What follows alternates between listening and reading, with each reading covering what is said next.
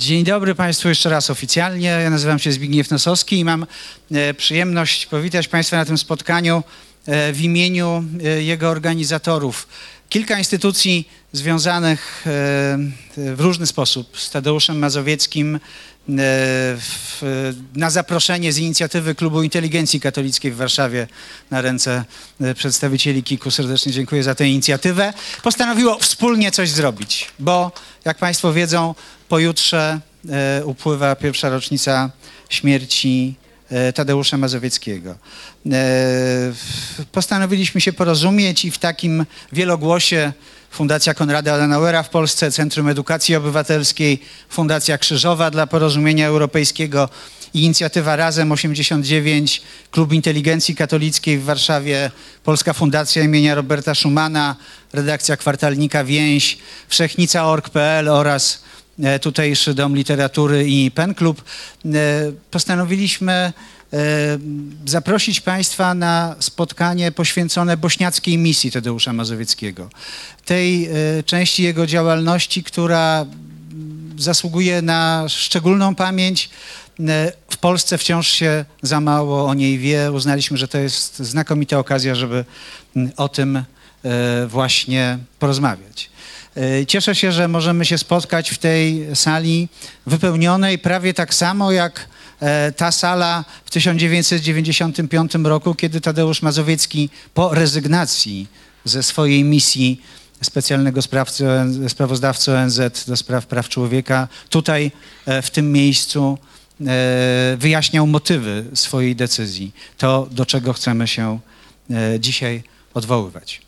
E, witam e, serdecznie e, najbliższą rodzinę Tadeusza Mazowieckiego.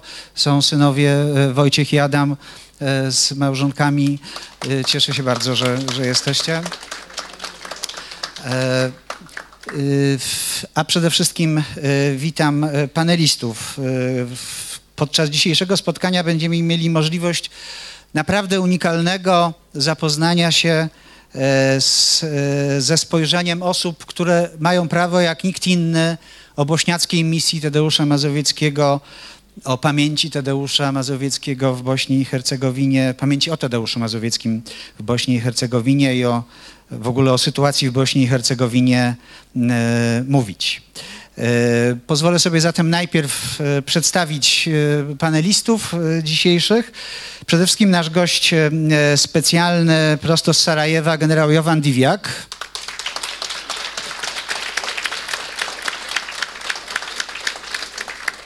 Emerytowany generał, który będąc Serbem z pochodzenia umiłował Sarajewo, jest autorem m.in. książki Sarajewo Monamur.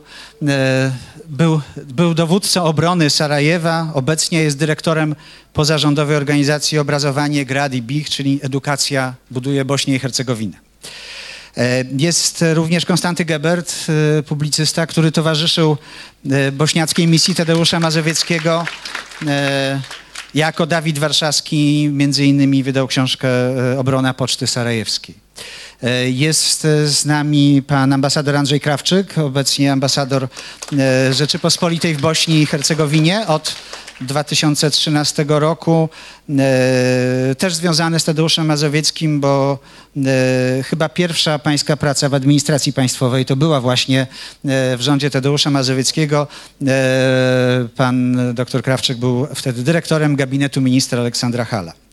E, jest profesor e, Roman Wieruszewski, znakomity prawnik i e, kierownik Poznańskiego Centrum Praw Człowieka Instytutu Nauk Prawnych Polskiej Akademii Nauk, który też współpracował z Tadeuszem Mazowieckim podczas jego misji bałkańskiej, a później do 1998 roku kierował misją Wysokiego Komisarza ONZ do spraw praw człowieka w Sarajewie.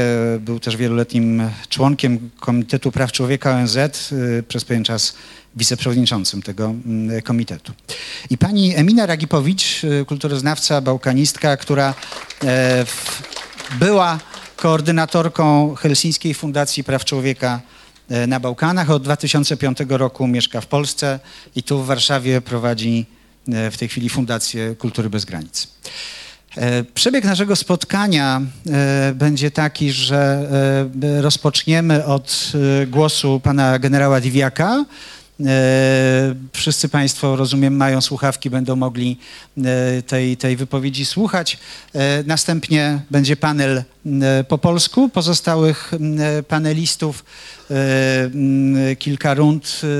Na koniec zapraszam również Państwa do, do zabrania głosu, zadawania pytań. Ale ponieważ spotkanie odbywa się w rocznicę śmierci, to, to chciałbym poprosić Państwa o powstanie na chwilkę i e, chwilę ciszy, refleksji nad misją Tadeusza Mazowieckiego. Kto potrafi się modlić, niech się modli.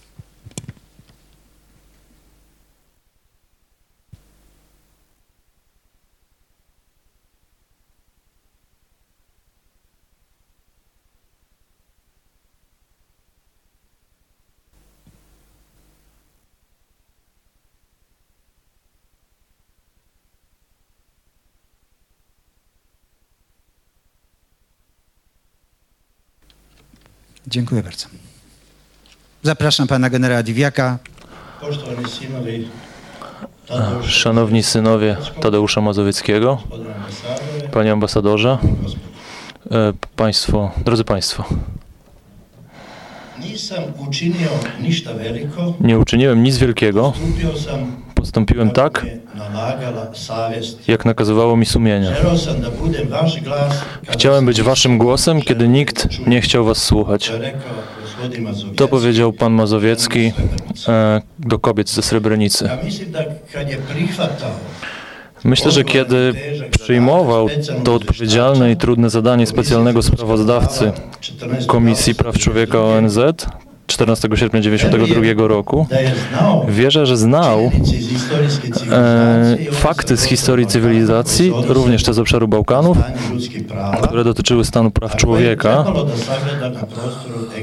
a które w byłej Jugosławii, którym należało się przyjrzeć szczególnie dokładnie.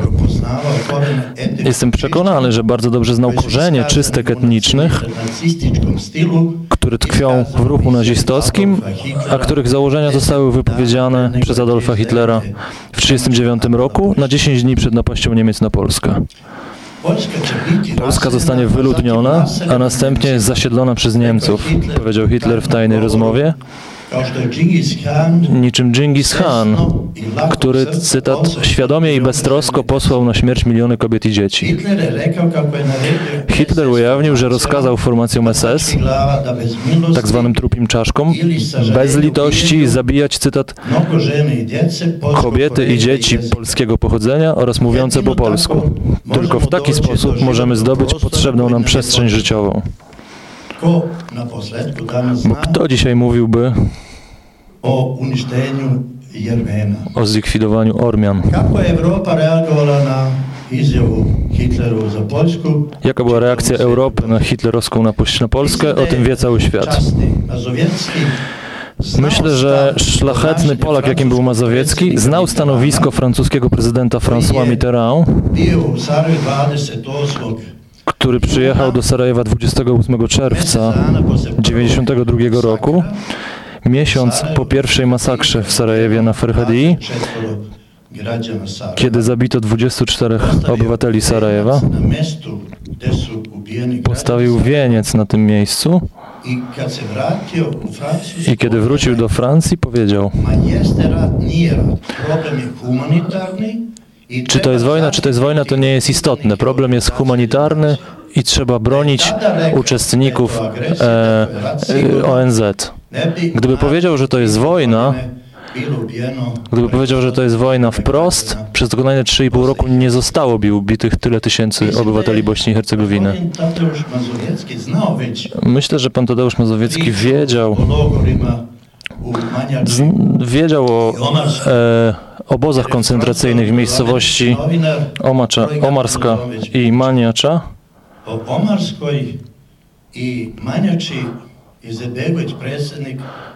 tych dwóch obozach e, prezydent Bośni i Hercegowiny Alija Izetbegović poinformował e, Mitterrand.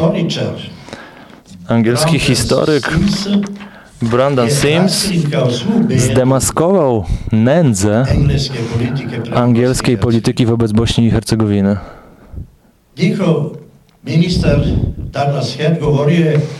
E, A z kolei minister Douglas Hurd powiedział, że wojny domowe szaleją w Sudanie, Bośni, Angolii, Liberii, Gruzji, Afganistanie, Ruandzie, Somalii, Tadżykistanem, Azerbejdżanem. Niektóre z tych wojen telewizja transmituje, innych nie. to są typowe wojny domowe, w których do głosu dochodzą na nowo kilkusetletnie wzajemne antagonizmy wspierane przez ludzi, którzy nie chcą pokoju. Minister w rządzie Wielkiej Brytanii Rifkind powiedział, że nie widzi żadnych różnic etnicznych między wojną w Bośni a wojną w Angolii czy Kambodży. Tadeusz Mazowiecki, Tadeusz Mazowiecki, uzbrojony w wiedzę prawnika, w doświadczenia urzędnika państwowego i przymioty moralne, pojawił się w Bośni i Hercegowinie już tydzień po mianowaniu na stanowisko. W ciągu izvještaj 10 dni powstał pierwszy raport, w którym Mazowiecki ostrzega poprzez Komisję e, za prawa człowieka, ostrzega opinię publiczną o poważnych i masowych przypadkach łamania praw człowieka. Przez wszystkie strony konfliktu. I o licznych ofiarach po wszystkich stronach konfliktu. Podkreśla tragiczną, najcięższą sytuację ludności muzułmańskiej, ponieważ oni obawiają się zagrożenia zbiorową eksterminacją. Wskazuje, że lokalne władze tolerują przemoc, że nie istnieją rządy prawa, że sytuacja więźniów w obozach jest dramatyczna, że indoktrynacja większości ludności wzmacnia wzajemną nienawiść narodową i religijną. W tym pierwszym raporcie on wnioskuje, że terenowe jednostki ONZ nie są w stanie efektywnie bronić zagrożonej ludności. Sa distancu od 22 godine, Z perspektywy kao 22 svedok lat, jako świadek tych wydarzeń i wielu innych,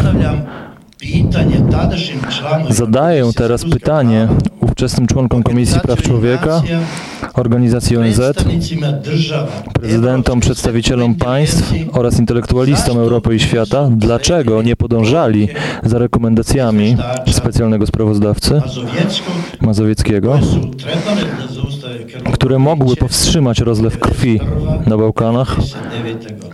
W latach 91-99. Po tych rekomendacjach należało natychmiast zneutralizować i objąć nadzorem ONZ ciężkie uzbrojenie na terytorium kraju oraz rozbroić jednostki paramilitarne. Narody Zjednoczone Powinny były kierować w stronę lokalnych władz zdecydowane żądania odstąpienia od polityki czystek etnicznych. W raporcie już w 92 Mazowiecki zwraca uwagę na zagrożenie rozszerzenia polityki czystek etnicznych na Kosowo, Sandżak i Wojwodinę. Nužno je da se poveća veličina UNPROFOR. Należało też zwiększyć liczbę żołnierzy sił pokojowych prava. i przyznać im prawo interwencji wobec łamania praw człowieka.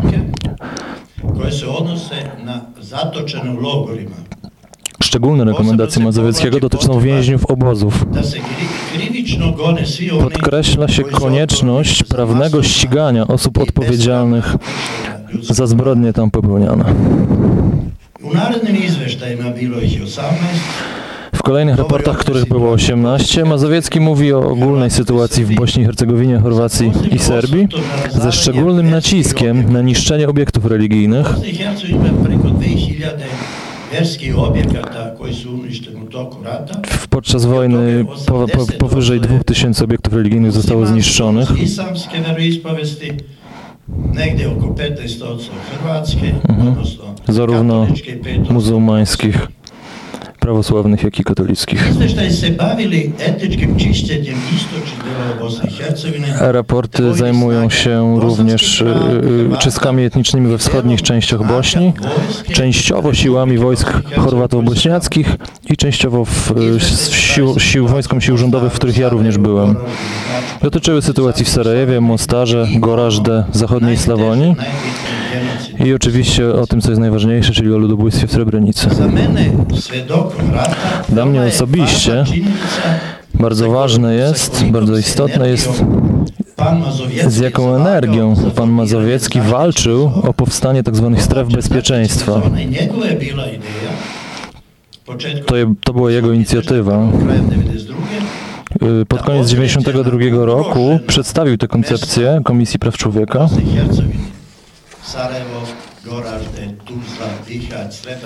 Miały one być ustanowione w tych miejscach.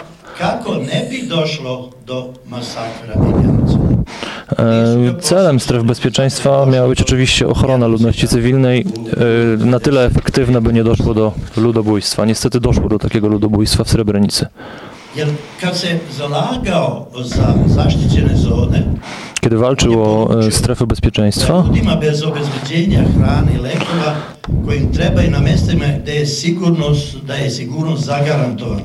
poinformował, że jest niezwykle istotne, żeby zagwarantować ludziom w tych strefach nieprzerwany transfer pomocy humanitarnej.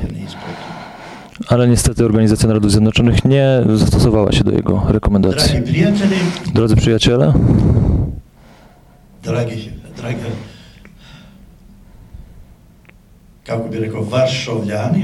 drodzy warszawianie, Warszawiacy.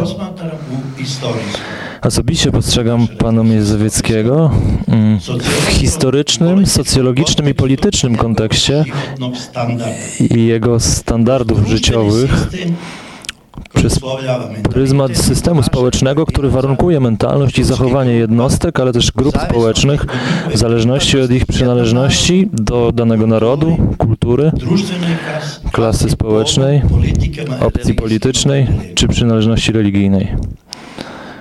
U celokupnom životnom veku Tadeusz moja Podczas całej swojej drogi życiowej Tadeusz, mam wrażenie, jako wolny człowiek, suprotstavljao słowem i se czynom przeciwstawiał się stereotypom, schematom i autorytetom. Manipuli- lanca Mm, Wewnątrz pewnego kontekstu ogarniętego, społecznego kontekstu ogarniętego manipulacją był wiecznym buntownikiem, co wyraźnie widać w jego działalności społeczno-politycznej. Doświadczenie zdobyte w walce o polską wolność i niepodległość wykorzystywał w pracy specjalnego sprawozdawcy ONZ na obszarze byłej Jugosławii. Zgadzając się na objęcie bardzo odpowiedzialnego wszak stanowiska, myślę, że nie mógł być świadomy, jakiego rodzaju przeszkody napotka na swojej drodze. Znalazł się między młotem a kowadłem. Prawdopodobnie wiedział, że mandat specjalnego sprawozdawcy posiada istotny mankament. Poszczególne ciała Narodów Zjednoczonych, oczywiście z wyjątkiem Komisji Praw Człowieka, nie są zobowiązane w żaden sposób reagować na rekomendacje sprawozdawcy. Z kolei zgromadzenia komisji odbywają się jedynie raz w roku, więc sprawozdawca w zasadzie nie jest w stanie efektywnie wpływać na te decyzje komisji, na te działania, które mogłyby powstrzymać łamanie praw człowieka. Period je 92-95. W okresie 1992-95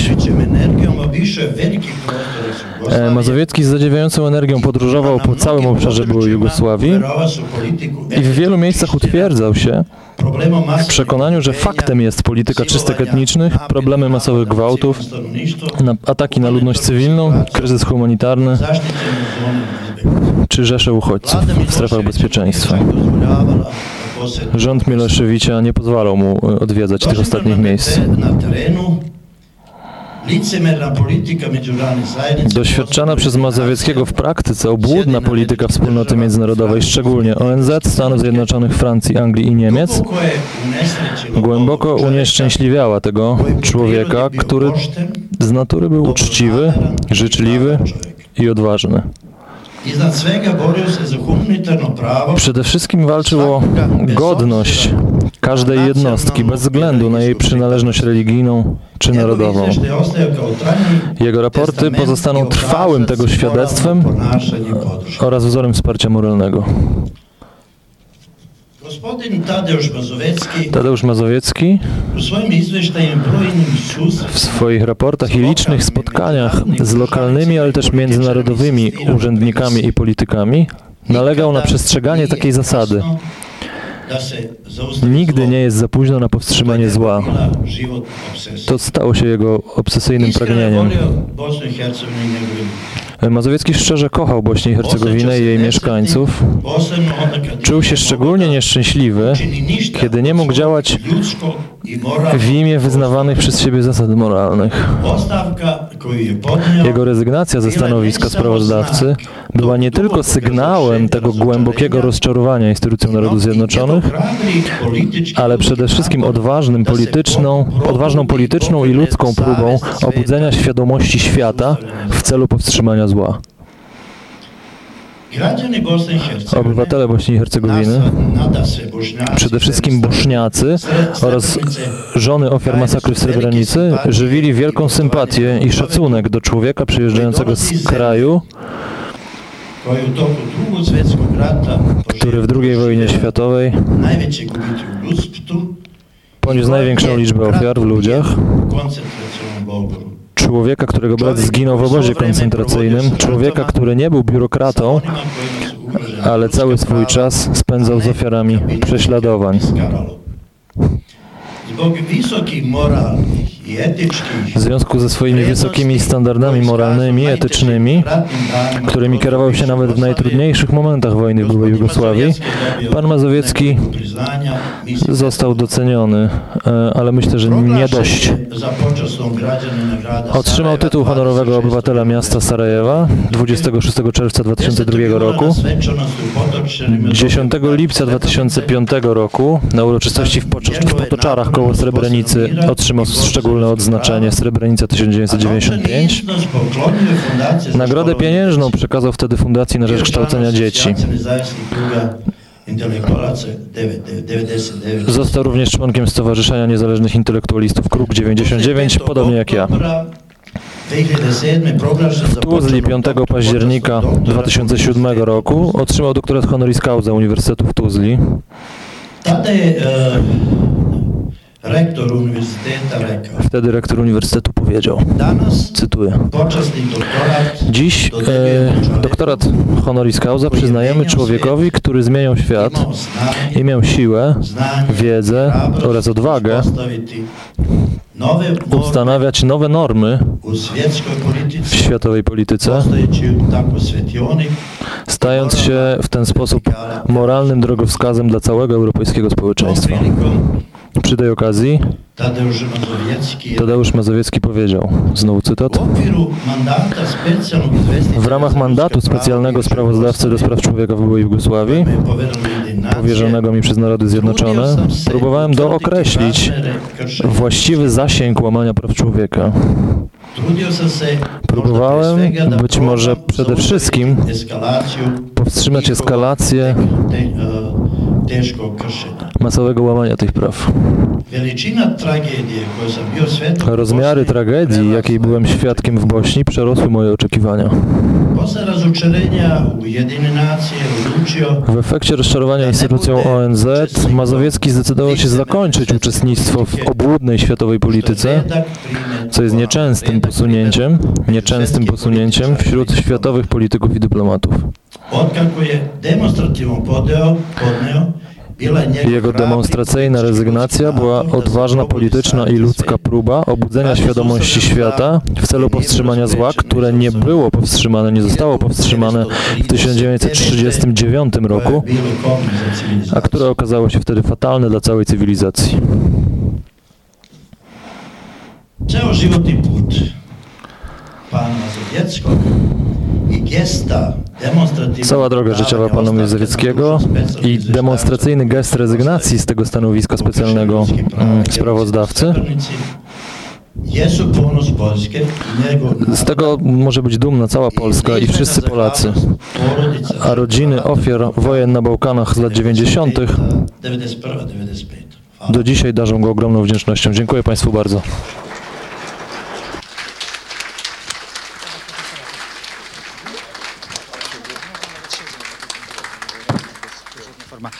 E, Dziękuję bardzo. E, Mówił pan, panie generale, kilkakrotnie odwołując się do e, polityki międzynarodowej z historii. Zapewne Tadeusz Mazowiecki zdawał sobie z czegoś sprawę. Na pewno z tych faktów z historii, z polityki międzynarodowej zdawał sobie sprawę, ale sam wyznał kiedyś w rozmowie z Dawidem Warszawskim zresztą, że zrazu nie bardzo się orientował w charakterze misji, którą podjął na zlecenie PNZ. Poinformowano mnie jedynie pobieżnie przez telefon.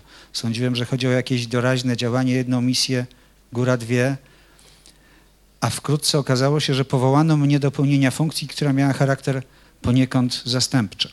I chciałem spytać mm, na początek tego mm, drugiej części tego panelu, już po polsku, pana profesora Wieruszewskiego. Pan towarzyszył premierowi Mazowieckiemu w tej misji i pewnie panu też towarzyszyło, to, towarzyszył ten proces uświadamiania sobie ograniczeń, z których pan jeszcze lepiej sobie zdawał sprawę zapewne jako prawnik i specjalista w tej dziedzinie. E, Dziękuję bardzo. Wszystkim dziękuję panu redaktorowi za zaproszenie. Jestem y, też pod wrażeniem wystąpienia pana generała Diwiaka, z którym mieliśmy przecież liczne kontakty zarówno w trakcie misji e, premiera Mazowieckiego Bośni, gdzie był pewnym symbolem tej wieloetniczności Sarajewa, która boję się już przeszła do historii e, i który miałem z nim również kontakt później, kiedy już mieszkałem w Sarajewie, ponieważ po rezygnacji Tadeusza Mazowieckiego przez dwa i pół roku mieszkałem w Sarajewie i miałem kontakt również z generałem, więc on oddał dość trafnie em, ten charakter tej misji. E, Znaczy, myśmy wiedzieli, że e, w systemie ONZ-owskim ochrona praw człowieka jest bardzo nisko ukształtowana i wpływ e, ustaleń dotyczących naruszeń praw człowieka na politykę zarówno organizacji, jak i państw członkowskich jest znikomy. Może powstać pytanie, po co w ogóle zatem taka misja? Po co w ogóle wysyłać e, e, przedstawiciela m, no, dość wysoko, mm, e, dość prestiżowego, skoro efekty jego działalności nie przekładają się na konkretne działania? Premier Mazowiecki był pierwszym w historii mm, tej rangi specjalnym sprawozdawców. Specjalnych sprawozdawców jest kilkudziesięciu zawsze i do poszczególnych krajów, do tematów. Pierwszej w historii tej rangi politykiem. Dlaczego go wybrano? E, Dawid Warszawski kiedyś powiedział, że wybrano go dlatego, że sądzono, że on będzie działał powoli. Otóż tu akurat myślę, że się trochę pomylił, bo nie, nie to było powodem, że e, wybrano go dlatego, że był pierwszym polskim, pierwszym premierem demokratycznym z krajów Europy Wschodniej, konflikt był jednak w Europie Wschodniej i bardzo znanym politykiem utożsamiającym tą drogę do demokracji. I sądzono, wiedziano, że jego głos będzie się przekładał na głos, na głos mediów. A politycy wiedzieli, że nikt w tym czasie w Europie nie chciał angażowania aktywnego w konflikt. Przecież to, była, to był złoty czas Europy. Obalony mur berliński, szczęśliwi jesteśmy, Ko- skończyła się zimna wojna. Kto chce angażować się militarnie? Ale chciano, żeby jednak społeczeństwa Europy uświadomiły sobie, że się trzeba zaangażować, tak czy inny sposób. I głos Mazowieckiego docierał. Stąd też e, go wybrano i stąd też on bardzo aktywnie przywołał prasę jako swojego pomocnika, z czym miałem konflikt, bo ja jako prawnik byłem przeciwnikiem angażowania prasy, a on walczył o tą prasę i stąd też udział e, Konstantego Geberta był bardzo ważny dla nas wszystkich, bo on był jednym z tych właśnie, który, dzięki któremu to się przekładało później na wiadomości. Problem polegał na tym, że myśmy mieli taką wizję. Spotkaliśmy się pierwszy raz, nawiasem mówiąc Mazowiecki, jak się dowiedział od profesora Skubiszewskiego, że ma mu pomagać jakiś profesor rozpoznania, mówi, Boże święty, będę nosił teczkę za jakimś starym profesorem. No ale na szczęście okazało się, że to ja nosiłem tą teczkę i on mówi, ja mówię, panie premierze, jeżeli nam się uda chociaż jednego uratować, to będzie sukces. Nie, proszę pana, to, to, jest, to, to, to będzie klęska. My musimy uratować ludzi w ogóle tam. Musimy zapobiec konfliktowi, żeby się rozwijał. No, okazało się, że Udało mu się uratować setki ludzi z obozów, wyciągnąć tak. Nie udało mu się niestety przerwać konfliktu. Dlatego mu się nie udało, bo, bo prawa człowieka nie, był, nie miały być instrumentem rozmów politycznych. Wręcz nieraz nas oskarżano, to się ukazało w prasie, anonimowo amerykańskiej, że nasza misja prolonguje konflikt, bo przez to, że oskarżamy, że pokazujemy zbrodnie, to zniechęcamy zbrodniarzy do tego, aby zawarli pokój, bo się będą bali, że po zawarciu pokoju będą oddani pod sąd.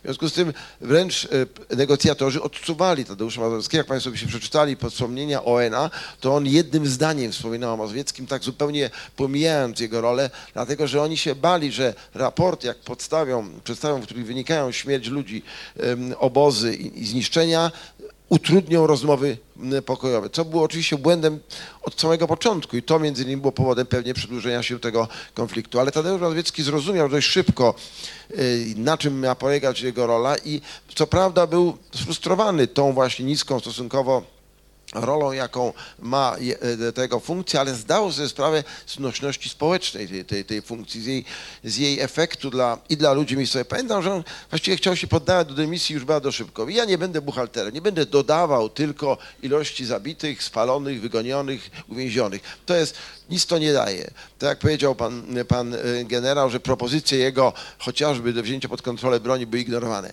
Ale wtedy ludzie w Bościu mówili, panie premierze, pan jest naszym jedyną nadzieją, bo dzięki panu świat wie. Dzięki panu nikt nie będzie mógł powiedzieć, że nie wiedział, co się u nas dzieje. Pan dokumentuje e, tą zbrodnię i świat będzie e, musiał spojrzeć sobie sam w lustro, że doprowadza do tego. Ja myślę, że to był największy jego sukces. Natomiast e, ta, ta, ta właśnie to, że miał szansę rozmawiać z ludźmi, że mógł z nimi, że mógł im pomagać, dodawało mu jeszcze, dodawało mu no, takiej energii wewnętrznej i tego, że tą misję prowadził. E, mm, e, Pani Amina Durakowicz, e, gdzie pani wtedy była? Jak pani wtedy reagowała? Jak pani dzisiaj patrzy na, na tę misję Tadeusza Mazowieckiego? Ja z Sarajewa przyjechałam w 96 roku, prawie po kilka miesięcy po podpisywaniu e, układu Daytona. Urodziłam się w Sandżaku, regionu e, pomieszczony pomiędzy Serbią a Czarną Górą, gdzie mieszka bośniaczka narodowość. Sandżak przez historię był też e, częścią Bośni i Hercegowiny e, faktycznie do 1912 roku. Okres komunizmu, i okres pierwszej wojny i okres komunizmu e, po prostu zrobił do podziału, do podziału e, tego królestwa. Jugosławię. Mal, e, czasy II wojny mal status e, autonomii. Ta autonomia od razu była przerwana po e, zakończeniu II wojny światowej. Ale wszystko jedno, e, Bośniacy e, e, Sandżaku mają sentyment i uważają Bośnię jako swoje ojczyste państwo, tak jak i Polacy na, Krece, na czyli Polacy e, poza, poza, granicy, poza granicami e, Polskie. E, Co mnie e, też bezpośrednio wiąże z Sarajewem e, podczas agresji na Bośnię, podczas obledzenia Sarajewa straciłam członków rodziny. Brat został dwa razy ranny, e, ciocia e, zamordowana, jej syn inwalidem, także po prostu e, ta, powiem, ofiara e, rodziny też, e, też mnie wiąże z Sarajewo. W Sarajewo przyjechałam w 1996 roku studiowałam i e, znaczy podczas studia nawiązałam współpracę z Helsińską Fundacją i wiem, że pierwszy projekt, który mi, który mi było zlecony, było wywiad z matkami ofiar gwałtu, czyli z kobietami ofiar gwałtu, e, gwałtu w Bośni. Przede wszystkim to były największości, największym procencie to były muzułmanki bośniackie. E, Nie mogłam ich trzymać, nie mogłam zakończyć e, ten projekt, bo po prostu po kilka wywiadów miałam koszmary. E, Te ich świadectwa z obozach, obozach gwałtu, które istniały niedaleko od Sarajewa, tak zwany obóz dla kobiet, e, Sonia, obóz w Foczy i, i, i w innych obozach. I chcę tutaj, chcę tutaj podkreślić, że Tadeusz Mazowiecki poza ideą o ochronie e, terytoria e, Srebrenica, Rzepa, wschodnia Bośnia, e, jako, jako znaczy ochrona e, terytoria pod ochroną ONZ-a, jest projektantem, jest inicjatorem jeszcze e, znaczy jednej inicjatywy, że gwałt, który e, po prostu w takich skalach ponad 25%, ponad 25 tysięcy kobiet, nawet ta liczba się powiększa. Trybunał w Hadze ma nawet cyfrę do 50 tysięcy zwalconych kobiet, ale zostawmy przy tej 25 tysięcy zwalconych kobiet, ponad 90% były muzułmanki. I to on zainicjował, za- zainicjował że gwałt e, powinien e, w, znaczy w Trybunale w Hadze powinien być traktowany jako zbrodnia, zbrodnia wojenna. Także to jest te, z tego punktu aspektu jeszcze jeden e, respekt dla mnie e, w stosunku do Tadeusza Mazowieckiego. Tadeusza Mazowieckiego e, miałam zaszczyt e, spotkać po moim e, znaczy, e, e, przy, przybiciem do Polski jako uchodźczynie i kilka razy na konferencjach, a ostatnio e, e, znaczy kilka miesięcy przed e, jego śmiercią otworzyliśmy wystawę o Srebrenicy. Kosta Geber też tam, tam był obecny i miałam e, zaszczyt rozmawiać o Bośni. On cały czas, on cały czas po prostu miał te Bośnie, Bośnie na, na sercu. I wywiady te, który udzielił mediami, mediami polskimi, powiedział, że najmniej co Europa, przede wszystkim Unia Europejska może zrobić dla Bośni, to jest przyjęcie e, grupy swojej rodziny, grupy przyjęcie w e, znaczy, ramach e, tej, tej rodziny Unii Europejskiej, ze względu na to, że i świat, ale przede wszystkim Europa ma Bośnię na sumieniu.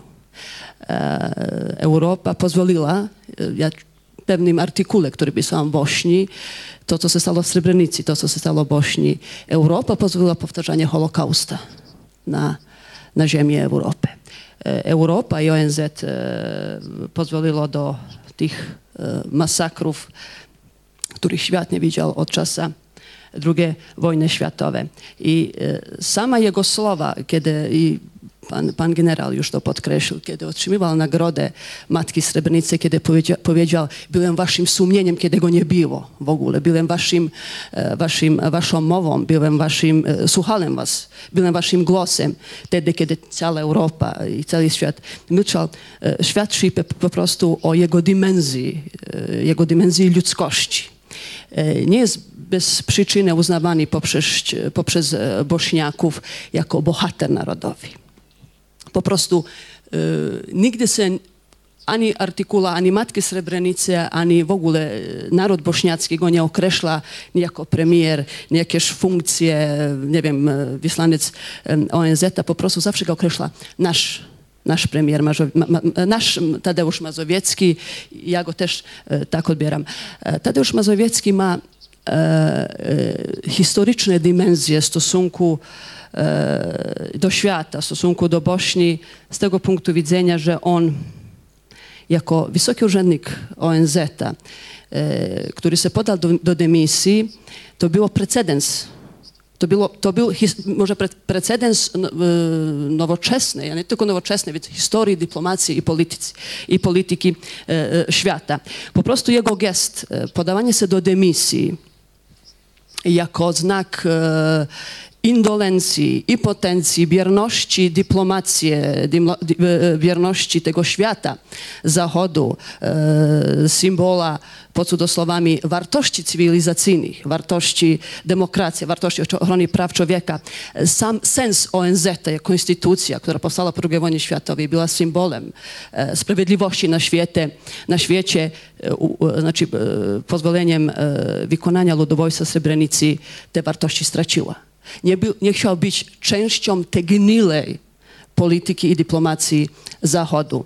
I y, jego głos y, ja odbieram też jako sprawiedliwego świata, jego, jego, jego hum- humanistyczne e, podejście, e, jego nieobie- o- o- obojętność w stosunku do tego wszystko, co się stało w Bośni, e, jego, znaczy poprzez jego raporty, uważam, że Tadeusz Mazowiecki nie tylko, że ma swoje miejsce historyczne, historii polskie, po prostu te post, postkomunistyczne, więc Tadeusz Mazowiecki ma swoje historyczne miejsce w historii Bośni i Hercegowiny. I powtarzam w kontekście tego jako, jako bohater, bohater narodowy. Dziękuję.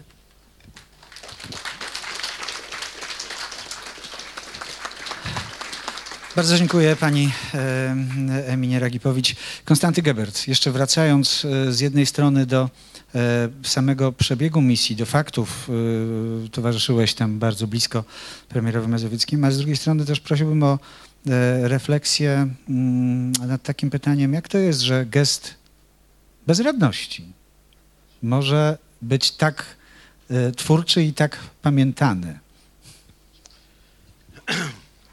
No, najpierw co do tego, dlaczego pan Tadeusz został specjalnym wysłannikiem, się tutaj z profesorem Wieruszewskim różnimy w opiniach, ale myślę, że to jest spór bez znaczenia.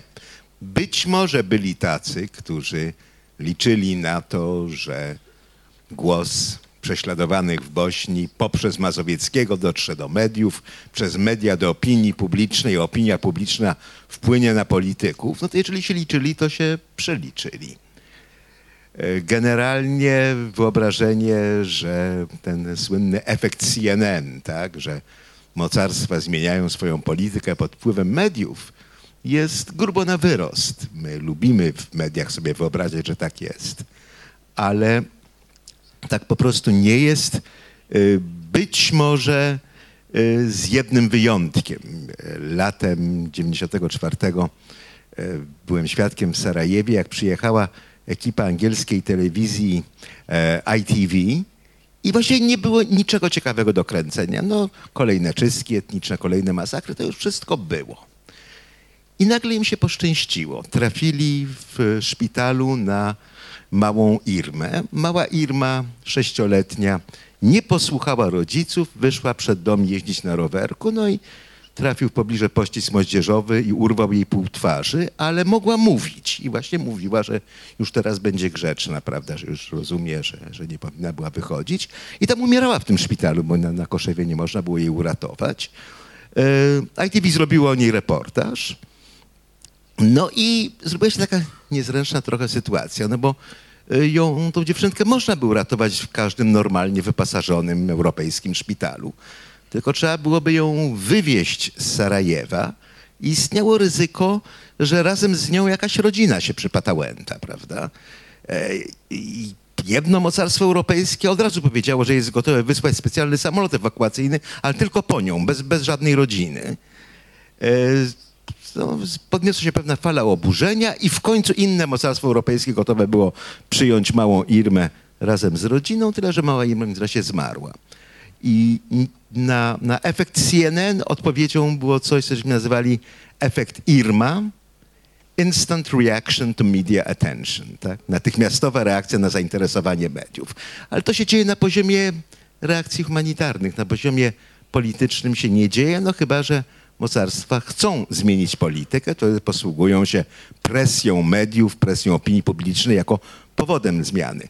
Więc jeżeli, panie profesorze, tak było, że liczono na to, że Mazowiecki poprzez media zmobilizuje opinię świata, to myślę, że się przeliczono i myślę, że raczej ci, którzy liczyli na to, że Mazowiecki, no raczej tutaj y, będzie mógł być listkiem figowym dla bezczynności świata Y, że coś zażółwi, prawda powie, no będzie brzmiał szlachetnie, a będzie robił za alibi dla naszej bezczynności. Y, ci raczej myśleli, że na ich wyszło no, do czasu, do tego spektakularnego trzaśnięcia drzwiami w Srebrenicy. Y, jakśmy pierwszy raz lecieli z, do, do Sarajewa, to tuż przed wejściem na pokład samolotu podszedł do nas jakiś fagas i dał nam papierki do podpisania.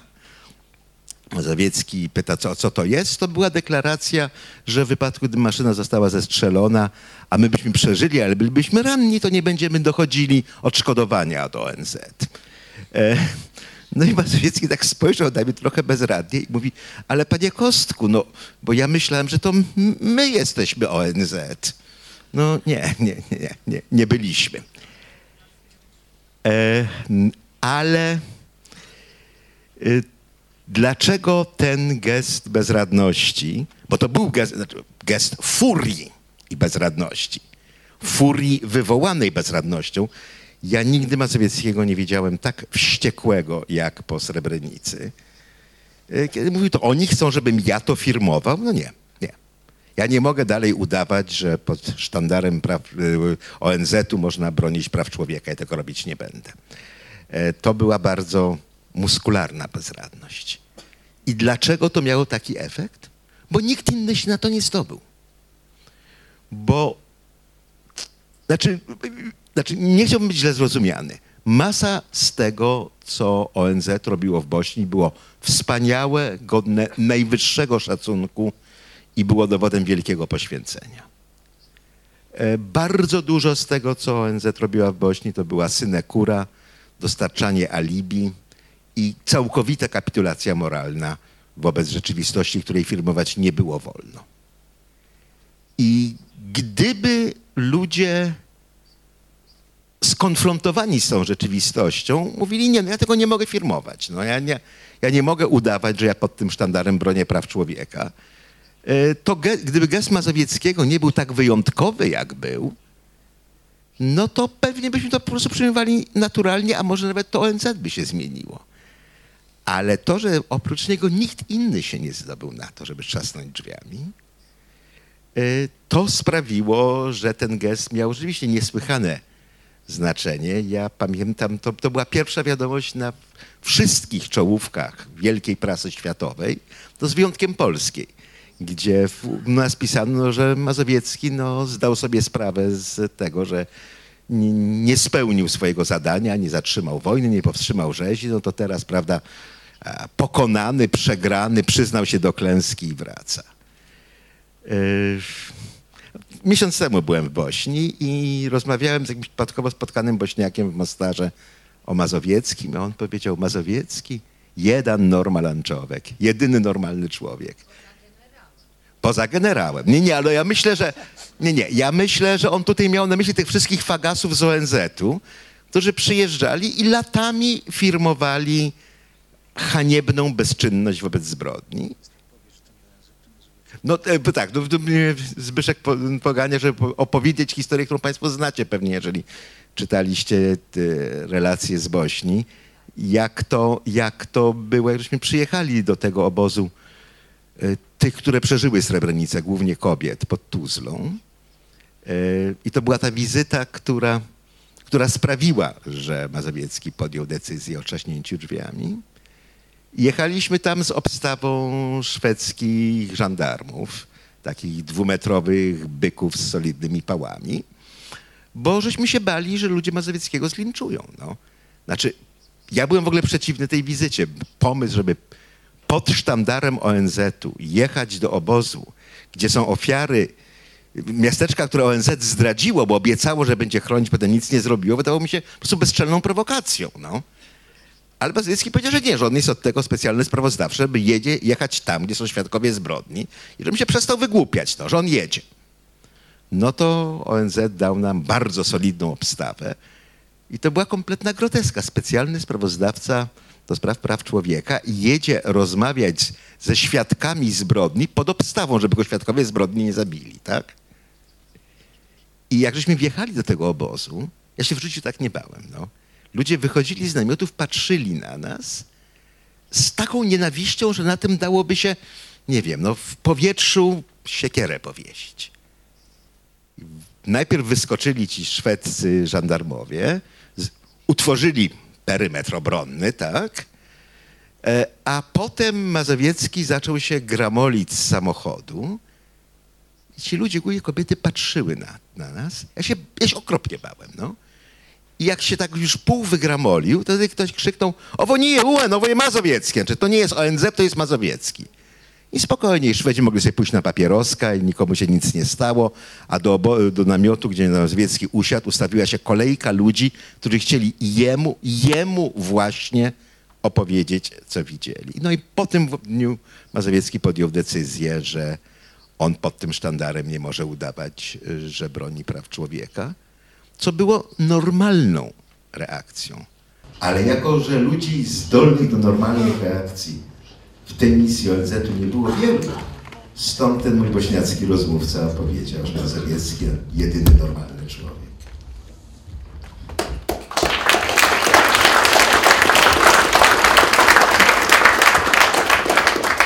Normalność nie zawsze jest normą. Mm. Panie ambasadorze, będziemy też przechodzić do E, e, kwestii pamięci o Tadeuszu Mazowieckim w Bośni i Hercegowinie. E, chciałem też powiedzieć, że na ręce pana ambasadora trafiły dwa listy, których fragmenty chciałbym Państwu przeczytać, jak tylko się rozeszło po Sarajewie, że takie spotkanie organizujemy i że będzie w nim brał udział generał Diwiak i ambasador Krawczyk też przyjedzie. Jeden z listów jest od wielkiego mufti Bośni i Hercegowiny, Husejna Kawazowicia, E, który napisał do pana ambasadora Obywatele naszego kraju nigdy nie zapomną słów Tadeusza Mazowieckiego. To jest jedyna rzecz, którą mogę zrobić i poprzez którą mogłem pomóc. Nie mam pewności, że obecny moment, chciałbym wierzyć, że obecny moment stanowić będzie punkt zwrotny w stosunku do Europy i świata do Bośni. Nie mam jednak pewności, że tak się stanie i nie mogę uczestniczyć w pozornym tylko procesie ochrony praw ludzkich. E, wielki mufti, czyli zwierzchnik mm, muzułmanów w Bośni i Hercegowinie, napisał Tadeusz Mazowiecki wiele uczynił nie tylko dla Polski oraz Bośni i Hercegowiny, oraz także dla świadomości całej ludzkości.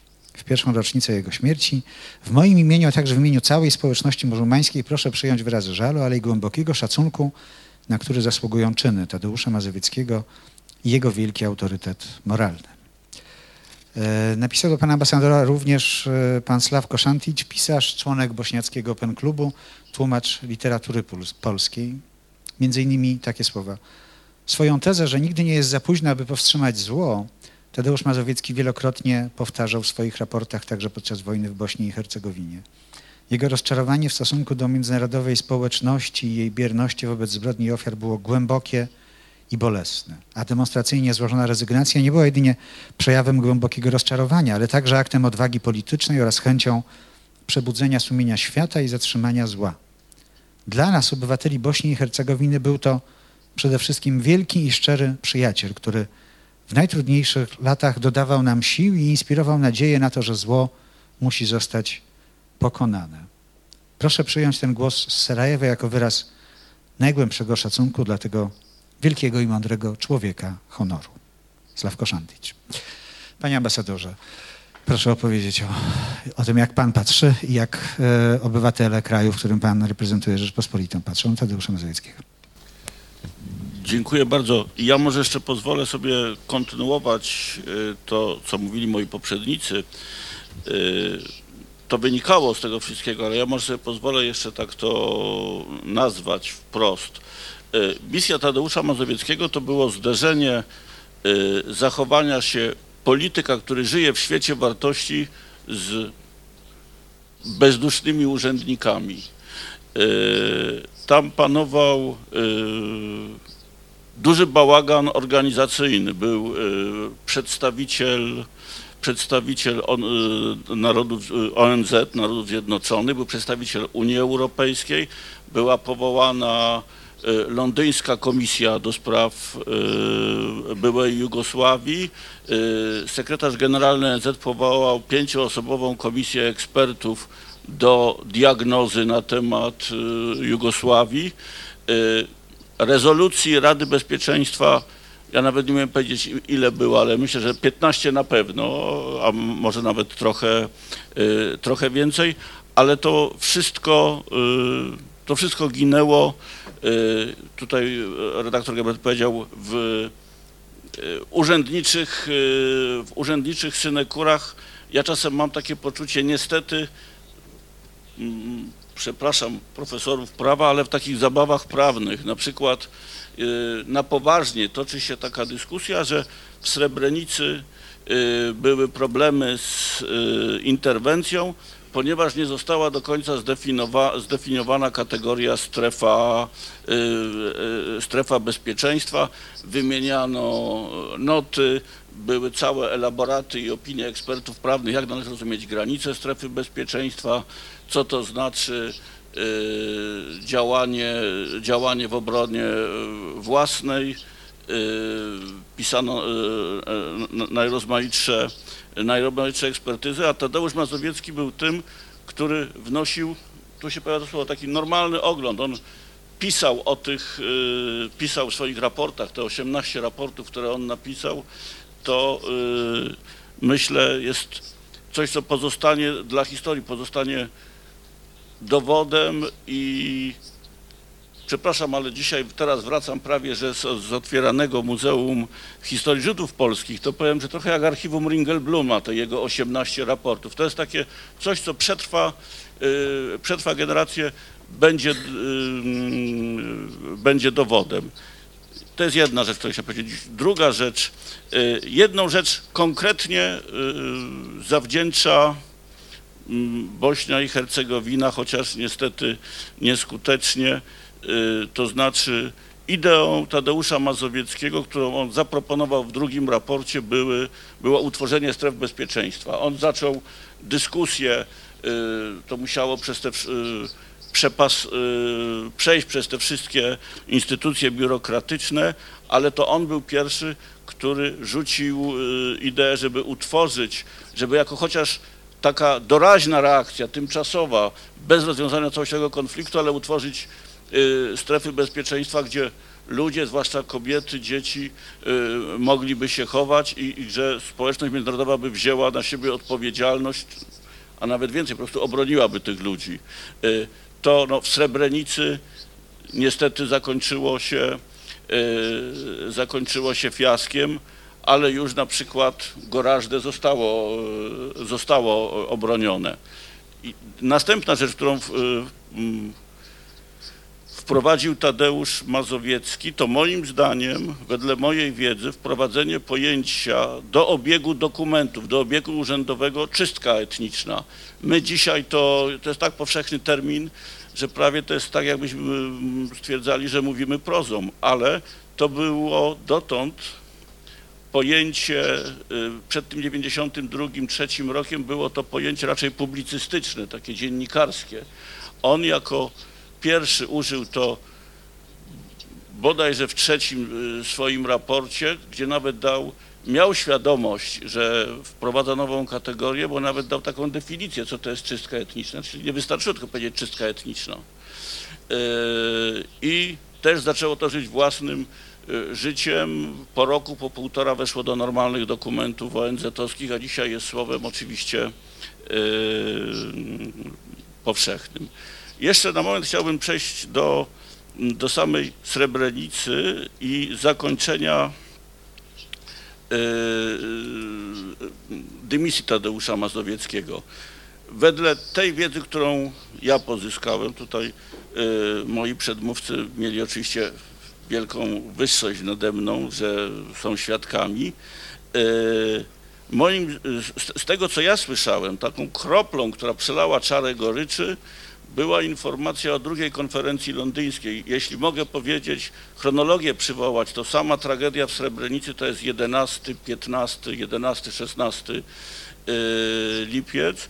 E, Tadeusz Mazowiecki razem z y, Konstantym Geberdem jedzie do y, Tuzli 20-21 lipca, nie mogą wjechać do samej Srebrenicy, czyli jadą do tych ludzi bezpośrednio przy tej granicy między terytorium bośniackim a y, serbskim, zbierać relacje. Tadeusz Mazowiecki pisze ten swój ostatni, 18 raport, moim zdaniem 48 godzin, góra 72, y, ten raport powstaje, jest rzeczywiście tym najbardziej wstrząsającym takim dokumentem, najważniejszy chyba z tych 18 rapo y, raportów. I w, dwa albo trzy dni później odbywa się konferencja londyńska, która pomija, pomija milczeniem fakt tego, co się stało w Srebrenicy, tylko mówi no odtąd to już będziemy bronili stref bezpieczeństwa i już uprzedzamy i ostrzegamy Serbów, do Gorażdy nie możecie już wejść, to już się nie powtórzy, bo yy, społeczność międzynarodowa yy, zareaguje, poczynając od ataków yy, lotniczych. I tak jak słyszałem, Tadeusz Mazowiecki był wstrząśnięty. On już wiedział, co to jest Srebrenica. My tutaj wszyscy wiemy, mówiliśmy o tym i że po tym wszystkim nawet nie warto było, to zaraz konfrontujemy naszą nie, myśmy wiedzę. Byli, myśmy z Kostkiem całą noc spędzili dyskutując. Tadeusz Marecki podjął decyzję, tak jak Kostek powiedział, po rozmowie z uchodźcami. Nie wiem nic o, o Londynie, nic. Po rozmowie z uchodźcami powiedział koniec. Myśmy nawet ku naszemu wstydowi próbowali go powstrzymać przez całą noc, a on jak już podjął decyzję, tak podjął. I tego dnia w nocy decyzję podjął. Także Londyn nie miał z tym nic wspólnego. Szkoda, bo byłoby ładniej. E, nie, ja nie wiem, czy byłoby. Nie, ja tylko, tylko pozwalam sobie zwrócić uwagę, że, że Tadeusz Mazowiecki podjął tę decyzję 27 lipca. Ogłosił, ogłosił, Ale- oczywiście, że ogłosił, tak, Ale ogłosił. podjął tak. wcześniej, podjął w dniu, w którym spotkał się z uchodźcami. Ale Konstanty Geppert powiedział coś takiego y, w pewnym momencie, m- mówił o jakichś różnicach, mówił, ale to nie ma większego znaczenia, bo to rzeczywiście to jest, y, to są rzeczy, które się dzieją w głowie, jest podjęcie decyzji wewnętrznej, ogłoszenie, to zawsze jest jakiś proces taki liniowy, który trwa, y, który trwa kilka dni. I ja może jeszcze już z taką ostatnią rzecz chciałem powiedzieć, która y, na mnie zrobiła duże wrażenie w tym y,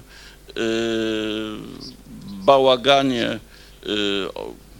ONZ-owsko-instytucjonalnym, mianowicie sama nominacja Tadeusza, Tadeusza Mazowieckiego, y, która mm, Tadeusz Mazowiecki został nominowany tuż przed inną z kolei konferencją londyńską. I chodziło o to, żeby sporządził raport i y, sekretarz, zastępca sekretarza, sekretarza stanu USA y, Bolton miał podobno zareagować w momencie, kiedy dostał Tadeusz Mazowiecki y, nominację, jeszcze nawet o tym dokładnie nie wiedział, był pewnie w Warszawie, to po, czy, czy, jeszcze na Mazurach nawet i mówi pu- publicznie zapowiedziane, no to sprawdźmy, czy on jeszcze dzisiaj może dotrzeć do Sarajewa, czyli go trzeba w ogóle zawiadomić i y, żeby od razu dotarł, ponieważ jego pierwszym zadaniem miało być sporządzanie tego raportu na konferencję, która była za 72 godziny.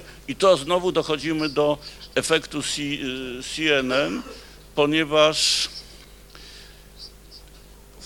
powołanie funkcji y, raportera, sprawozdawcy było y, po części y, spowodowane atmosferą y, telewizyjnymi reportażami z obozów, z obozów koncentracyjnych i w związku z tym nagle taki ten wielki, ospały aparat biurokratyczny się budzi i mówi, no za 72 godziny jest konferencja, to musimy powołać y, sprawozdawcę i niech on w ogóle najpierw go zawiadommy, pojedzie i za 72 godziny, żeby przedstawił raport.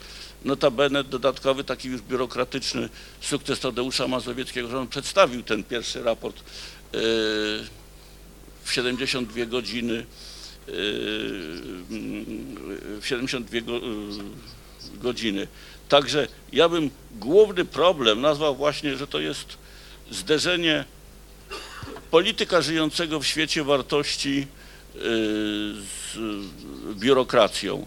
A jeśli chodzi o dzisiejszą pamięć o Tadeuszu Mazowieckim, mówiliśmy tutaj o odznaczeniu, które nadała największa organizacja, czyli tak zwane Matki Srebrenicy. Y, Jest honorowym obywatelem, y, jest honorowym obywatelem Sarajewa.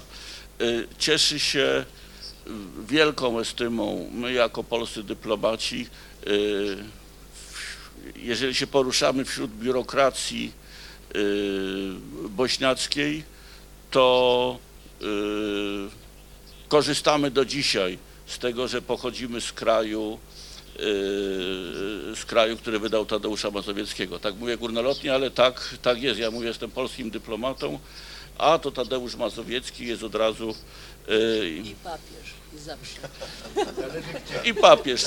W każdym razie niezłe towarzystwo. Generalnie y, ułatwia, y, mm, ułatwia nam pracę, natomiast tak jest wśród Bośniaków, y, po części wśród Chorwatów, wśród, wśród Serbów nie ma już tej, tej estymy, a Bośnia jest cały czas do dzisiaj takim krajem, gdzie trudno jest powiedzieć, że, y, jakie jest stanowisko Bośni w różnych sprawach. Nie wiem, czy Bośnia chce do NATO. Państwo chce, ale Serbowie nie chcą i oba są i oba stanowiska są. Proszę? No państwo, no czyli rząd, parlament, Ministerstwo Spraw Zagranicznych państwa. I może jeszcze jedną rzecz, tutaj pan generał wspomniał książkę Brendona Simsa, chyba napisaną już z 10 lat temu, który jest dramatycznym rozliczeniem się z y, klasą polityczną y, i z klimatem y, w Wielkiej Brytanii lat 90. E, On bije się w piersi i mówi, zgrzeszyliśmy imperialną arogancją, daje takie przykłady, patrzyliśmy na Jugosławię z góry, on daje liczne, kilkanaście przypadków zapisów, wykładów, publicystyki, w której się mówi, no Jugosławia, plemienne spory, wszyscy są tam siebie warci, to są y, społeczeństwa, które nie kierują się racjonalnością i y, rozumem, ale jakimiś emocjonalnymi, pierwotnymi y, instynktami. Y, I rzeczywiście y, bardzo, bardzo złe wrażenie y, minister spraw zagranicznych y, Hart y, y, i wszyscy ci wyżsi urzędnicy brytyjscy pozostawiła to bardzo złe wrażenie. I stąd bardzo często się mówi, nawet trochę coś taki ton zabrzmiał w tym, co mówił pan generał Diwiak, y, że właśnie Brytyjczycy y, byli tacy y, ospale biurokratyczni, ale to myślę, że należy na- to raczej na, to patrzeć w ten sposób, że Brytyjczycy, wśród nich znalazł się ktoś, kto to opisał. Myślę, że gdyby ktoś opisywał francuską czy y, amerykańską biurokrację, mógłby to samo napisać, tylko po prostu tylko Brytyjczycy y, znalazł się ktoś, kto miał taką i sprawność intelektualną i odwagę, że potrafił to nazwać. Dziękuję. Dziękuję bardzo, panie ambasadorze.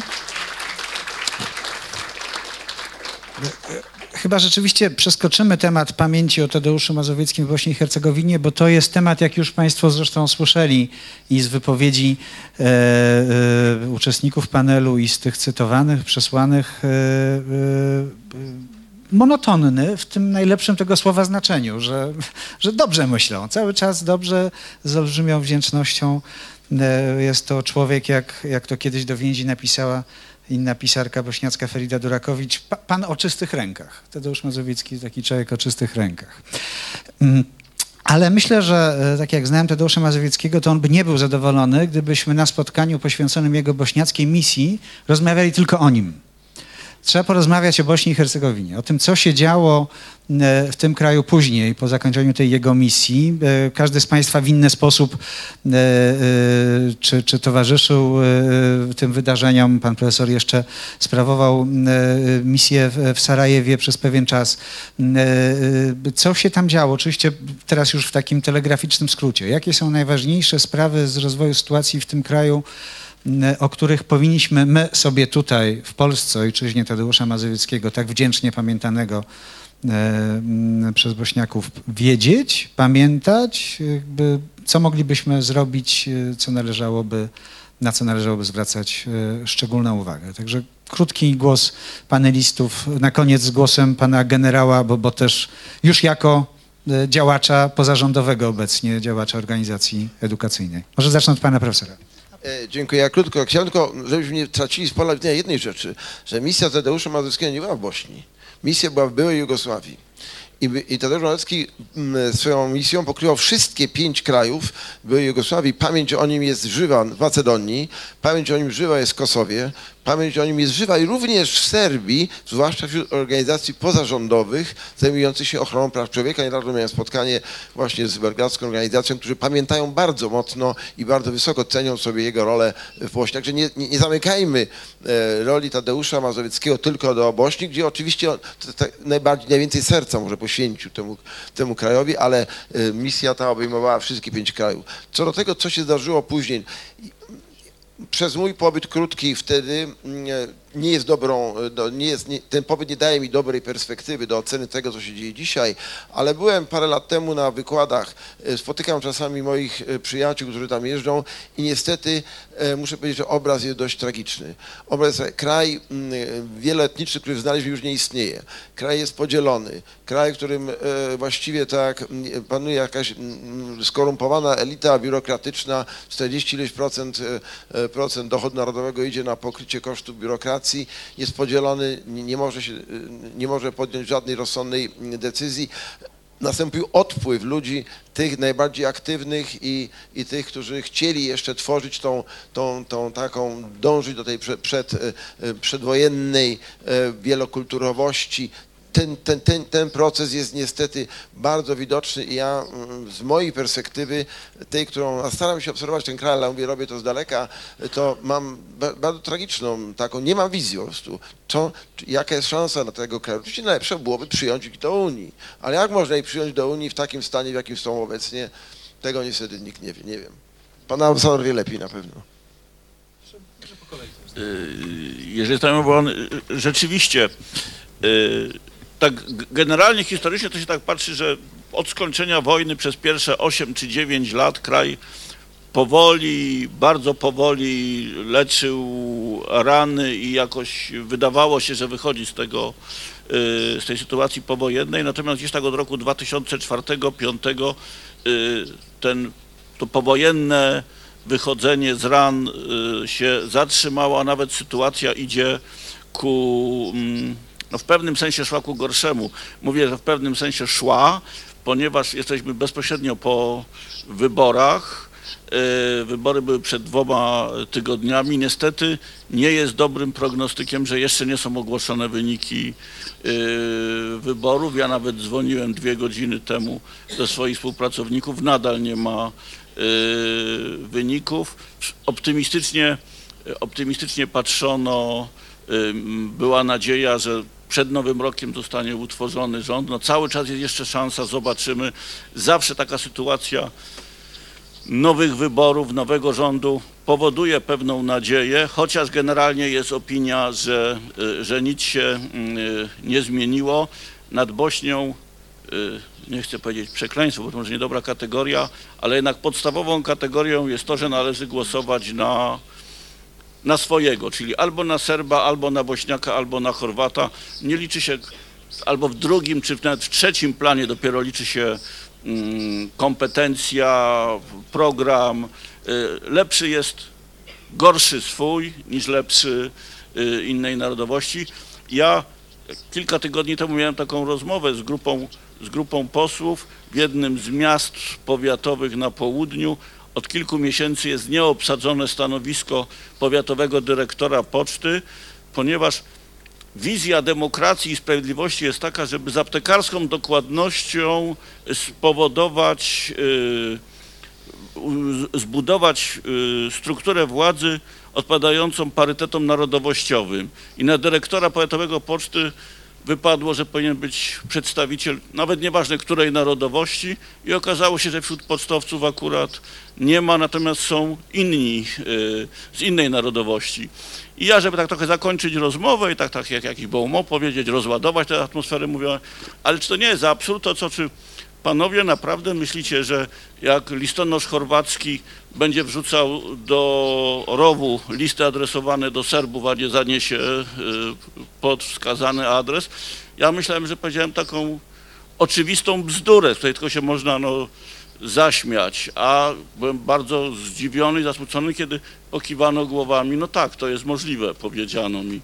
Yy, I także ja może opowiem jedną, jedną y, sprawę, którą ży- żyjemy wszyscy dyplomaci i cała klasa polityczna Bośni i Hercegowiny od y, kilku lat. Sprawa Sejdic Finci to my jakby w nocy obudzeni, to Sejdic Finci, pan Finci już nawet y, ma taki dowcip, mówi Jakob Finci, mówi wcale nie mam na imię Sejdic, bo to wszyscy mamy Sejdic Finci. Otóż zgodnie z konstytucją zgodnie z konstytucją Bośni i Hercegowiny, aby było właśnie sprawiedliwie, demokratycznie, bardzo dobry zamysł, żeby y, żaden naród nie dominował nad drugim.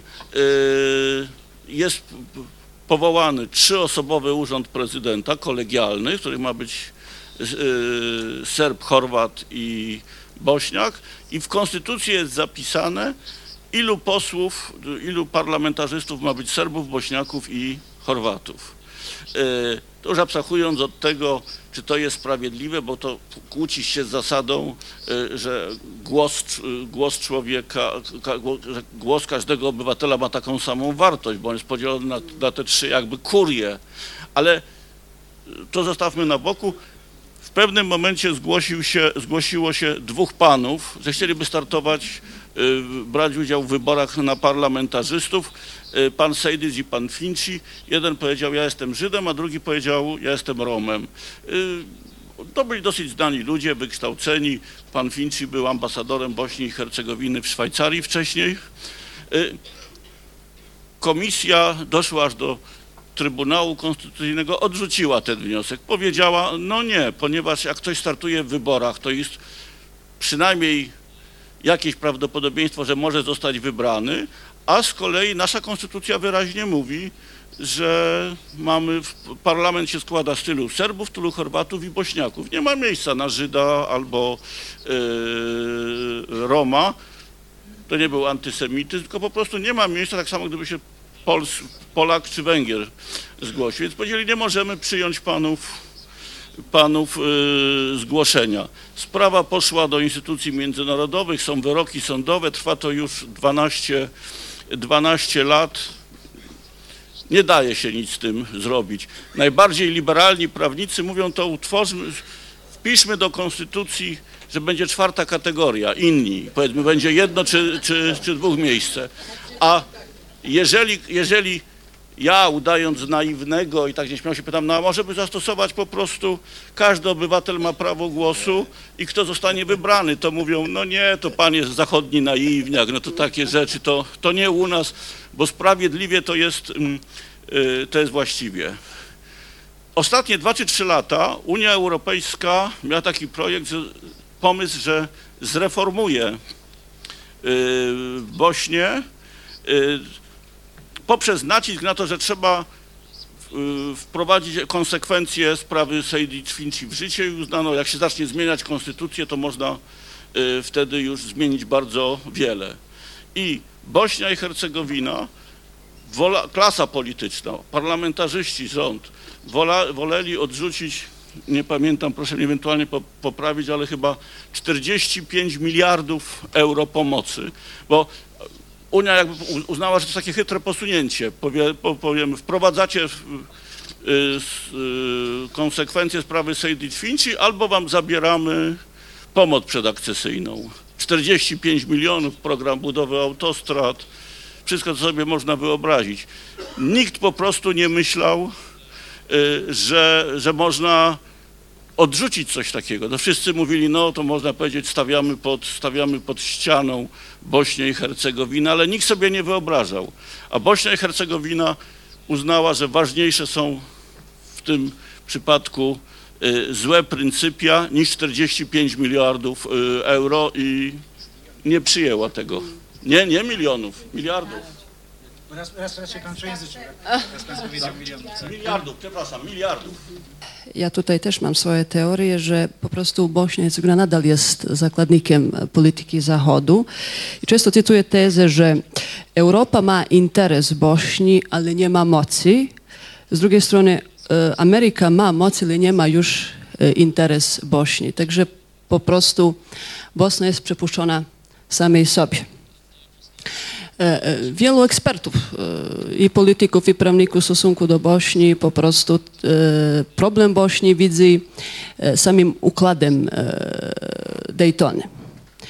Dayton, jak powiedział prezydent, zmarły prezydent Bośni i Hercegowiny Ali Izetbegović, powiedział, że to, że każdy pokój, nawet najgorszy pokój jest lepszy niż, niż wojna. I e, Dayton był e, po prostu e, z tego punktu widzenia ratunkiem, że zatrzymał wojnę, zatrzymał masakrę. Ale stworzył biurokrację, gdzie wiem, pewny prawnik czy dziennikarz powiedział, że sam święty Bóg nie, nie, nie, nie, nie, nie mógłby się zorientować, jaka jest sytuacja Bośni, ta administracyjno-prawna. Konstytucja Bośni i Hercegowiny polega na układu Dayton. Po prostu wszystkie te postulaty, wszystkie te aneksy Daytona e, muszą, zawierać, znaczy Konstytucja Bośni musi zawierać. Przede wszystkim mamy dwa entitety. Mamy Republikę, Republikę Serbską, gdzie, e, która posiada 49% terytorii Bośni i Hercegowiny i sam, e, samo uznanie terytoria i samo uznanie Republiki Serbskiej poprzez Dayton poprzez e, e, świata, światowej polityki jest przede wszystkim nie tylko moim, moim uznaniem zamykanie oczy przed e, zbrodnią i przed etnicznymi czystkami, które się wykonali e, ponad 90% na terytorii e, Republiki Serbskiej. Sam koncept, sama nazwa Republika Serbska świadczy o tych etnicznych czystkach. Miasta przed wojną Bośni Hercegowiny, tak jak e, Gorażde, czy Srebrenica, czy Focza, czy inne miasta, szczegółowo wschodnie Bośni Hercegowiny, była większością e, mieszkańców bośniacy. Przede wszystkim znaczy, ta polityka Karadžića i Mladića, e, ta polityka dowództwa Republiki Serbskiej, którzy są prawie 99% e, osądzeni w Trybunału w Hadze, czyli kompletnie wojno-polityczne dowództwo Republiki Serbskiej. E, Dayton i, i, i polityka e, znaczy Zachodu na ten, na, na ten sposób wynagrodziła zbrodniarze, kiedy pozostawiła Republikę Serbską w takim koncepcie i, i, i, i po prostu e, pozwoliła na zajmowanie tyle terytorii. Federacja Bośni i Hercegowiny ma 51% tej, tej terytorii. I tutaj sama ta biurokracja, że mamy dwa entitety, że mamy 10 kantonów, że prawie każdy kanton ma władzę, że ponad 100 ministrów e, hamuje każdy rozwój Bośni i Hercegowiny. Jedyne wyjście Jedyne wyjście e, jest Unia Europejska i NATO, pakt, bo cały czas słyszymy, że prezydent Republiki, Republiki Serbskiej grozi o, o, secesją, e, secesją od Bośni i Hercegowiny, że chce ogłosić referendum o niepodległości Republiki Serbskiej. To samo ta frakcja nacjonalistyczna, nacjonalistyczna Chorwatów, e, tak zwanej Herceg Bośni, też te idee, idee znów te wojenne ideologie powtarza. Także e, to wszystko wpływa na, e, no po prostu na, na interesy, interesy tych wielkich firm, na, na jakikolwiek rozwój Bośni w kontekście i ekonomii, i po prostu, e, znaczy jedyny, jedyny ratunek e, Bośni i Hercegowiny jest, e, widzę w Unii Europejskiej, ale to jest bardzo ciężka droga, względu, że reformy muszą być wstępnie. Nacjonalizm naj, nadal jest najbardziej, największym profitem. Tutaj związek polityków i mafii jest nadal bardzo bliski. Także po prostu y, musi być mocny y, angażman y, zachodniej dyplomacji Unii Europejskiej. Dziękuję. Dziękuję bardzo. To Kostko, twój głos i pan generał na końcu. Tak kilka przypisów u dołu strony. Nie, nie wiem, czy Państwo sobie zdajecie sprawę, że tą rozkoszną konstytucję to myśmy Bośni zafundowali. My, czyli społeczność międzynarodowa, nie sami Bośniacy. Myślenie było bardzo proste. No skoro oni się tłuką o to, ile władzy będą mieli muzułmanie, Chorwaci, Serbowie, to służy taki mechanizm, w którym wszyscy będą reprezentowani i wszyscy szczęśliwi. E, jest bardzo wątpliwe, czy Bośniacy bardzo chcieli być reprezentowani przez polityków, których tytułem do sprawowania władzy jest to, jakiego są pochodzenia, ale od 20 lat nie mają innej możliwości, bo taką konstytucję żeśmy im, my, oświecona wspólnota międzynarodowa, zafundowali. Ta groteska jest naszym produktem. E, oczywiście w tej grotesce znakomicie czują się trzy etniczne mafie, które wspierają się nawzajem w parlamencie Bośni i Hercegowiny w sposób rozkoszny, ponieważ ten system gwarantuje, że nikt nie podważy ich władzy. Jest rzeczą arcyciekawą, że udało się bardzo szybko po zakończeniu wojny zintegrować armię Bośni i Hercegowiny. Jest armia, profesjonalna armia Bośni i Hercegowiny, która nawet wysłała pluton rozminowania na wojnę w Iraku. Uczestniczą w niej e, żołnierze i oficerowie, którzy walczyli ze sobą podczas wojny i ta armia działa świetnie.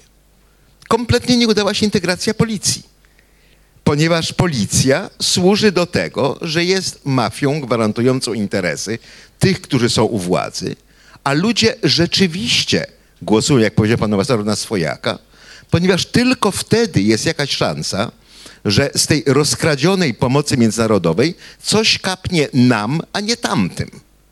Innymi słowy, głosowanie na swojego złodzieja jest w moim interesie, bo nie mój złodziej na pewno mi się nie, nie da podzielić łupem, mój trochę mi da. Yy, nie należy mistyfikować tej, tej wizji Bośni rozdartej fundamentalnymi podziałami. Tu naprawdę nie chodziło ani o etniczność, ani o religię, chociaż posługiwano się nimi, żeby uzasadniać zbrodnie. Pamiętam rozmowę z przywódcą serbskiej Czety, do takiego oddziału paramilitarnego. Ja go pytałem, słuchaj, no dobra, jak zdobywasz mieszaną wioskę, powiedzmy, serbsko-muzułmańską, zdarzają się takie, to i tak wszyscy uciekli do lasu, bo do, dobra, widać mniej więcej jakie to wojsko, ale trzeba zobaczyć, co oni robią. Wszystko jedno, czy nasi, czy nie nasi, wszyscy uciekają do lasu, więc wchodzisz do pustej wioski. Skąd wiesz, które domy palić? A on mi odpowiedział takim błyskiem wokół. Ja mówię, ja, ja nie jestem głupi, no. Ja sprawdzam, szukam świń. Tam, gdzie świnie, tam chrześcijanie. Tego nie palę. W tym sensie to była wojna religijna. Jeżeli ktoś by chciał uważać, że no, religia polega na tym, że posiadamy albo nie posiadamy świnie, tak, to była wojna religijna. E, tutaj się posłużono religią. Zresztą e, pan Tadeusz ogromne znaczenie przywiązywał do tego, żeby rozmawiać z przywódcami religijnymi, próbować wpływać na nich, żeby oni z kolei wpływali na swoje społeczeństwa e, w takim dość naiwnym wyobrażeniu, e, że ci bandyci no, kierują się względami religijnymi. E, Niektórzy z przywódców religijnych sami byli bandytami, inni byli wspaniałymi ludźmi. Wpływu na bandytów, którzy się posługiwali znakiem religijnym, żeby odróżniać tych, których się morduje, od tych, których się nie morduje, oczywiście nie mieli. E, W znacznym stopniu ten koszmar, który żeśmy za sobą zostawili, jest naszym dziełem. Rzezie robili Bośniacy. Natomiast strukturę, w której rzeź staje się naturalnym sposobem uprawiania polityki, e, niekoniecznie za pomocą przelewu krwi, ale za pomocą wykluczania tamtych, bo hodują świnie albo bo nie hodują świń, to już jest nasza zasługa. I jeszcze na chwileczkę chciałbym wrócić do Srebrenicy, bo nie mam pewności, bo prawie 20 lat temu, czy Państwo macie świadomość, jak, no jak haniebny był to epizod. E, W Srebrenicy, która była strefą chronioną ONZ, zresztą to była jedna z tych rzeczy, które doprowadzały pana Tadeusza do furii. Mówił, że ja to wymyśliłem, te strefy chronione, bo on to wymyślił, ale to miało chronić ludzi, a nie zabijać ludzi. E, Tam był e, batalion wówczas holenderski, zbyt słaby, żeby się Serbom skutecznie przeciwstawić.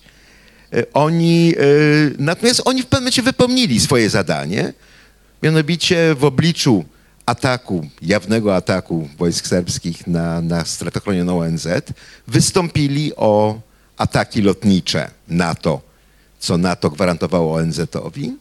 Ich wniosek został odrzucony, bo został wysłany na niewłaściwym formularzu. Nie, nie zmyśliłem tego. No to, to jest w dokumentach ONZ-owskich Zagrzebiu. I w dniu, kiedy padła Srebrenica, specjalny wysłannik sekretarza generalnego ONZ, pan Yasushi Akashi, yy, skomentował to następująco, jest cytat dosłowny. Bardzo ubolewam nad upadkiem Srebrenicy i nieuchronnym upadkiem Rzepy. To była druga strefa bezpieczna, która się jeszcze broniła i broniła się, no bo miała gwarancję bezpieczeństwa ONZ. Tego ONZ, które właśnie powiedziało, że ubolewa nad nieuchronnym ich upadkiem. Gorzej się obroniło, bo szczęśliwie tam część tamtejszych obrońców nie posłuchała ONZ i schowała trochę broni po domach. E, To wystarczyło do czasu, kiedy wreszcie zaczęły się naloty. Y, To, co się dzieje w Bośni, to jest ponura groteska i jest lirycznym złudzeniem to, co mówisz, Emino, że tutaj Europa ma jakieś interesy, czy Amerykanie mają jakieś interesy. Nikt nie ma żadnych interesów w Bośni. E, To, co, jeżeli da się przełamać ten koszmar, to tylko siłami samych Bośniaków. Natomiast struktura tego koszmaru jest importowana. To jest nasze dzieło.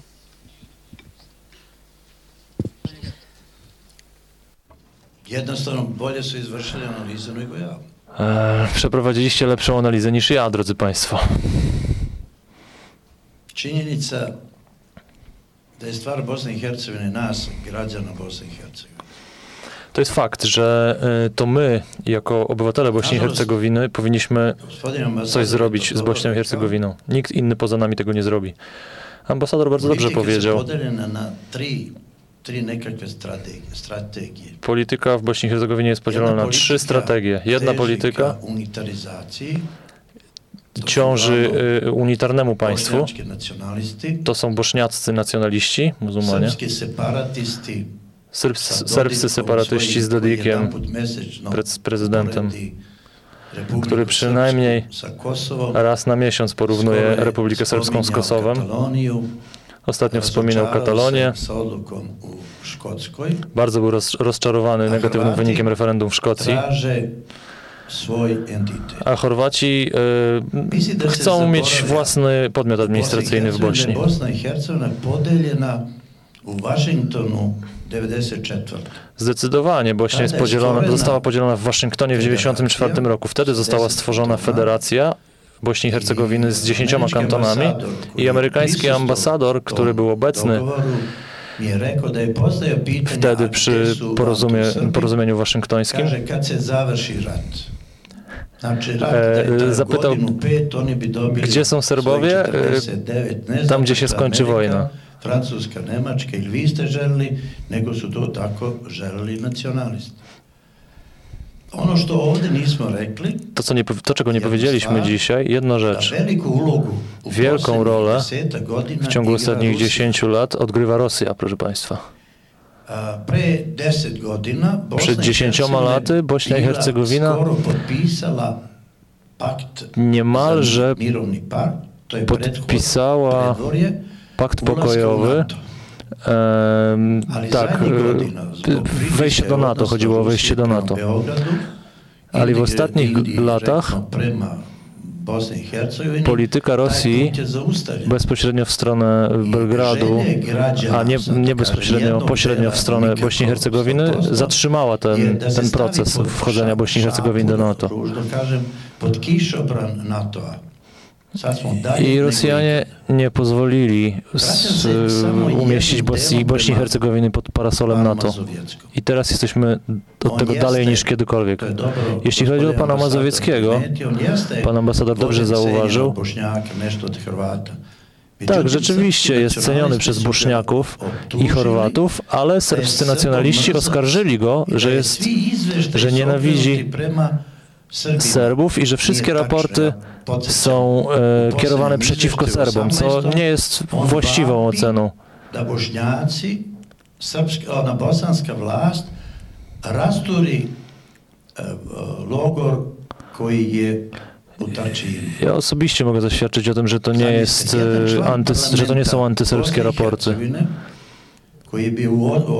Ponieważ w jednym z raportów e, znalazła się też informacja o e, obozie koncentracyjnym prowadzonym przez Bośniaków. Mazowiecki chciał również. E, w ścigania ludzi odpowiedzialnych za zbrodnie popełnione w obozach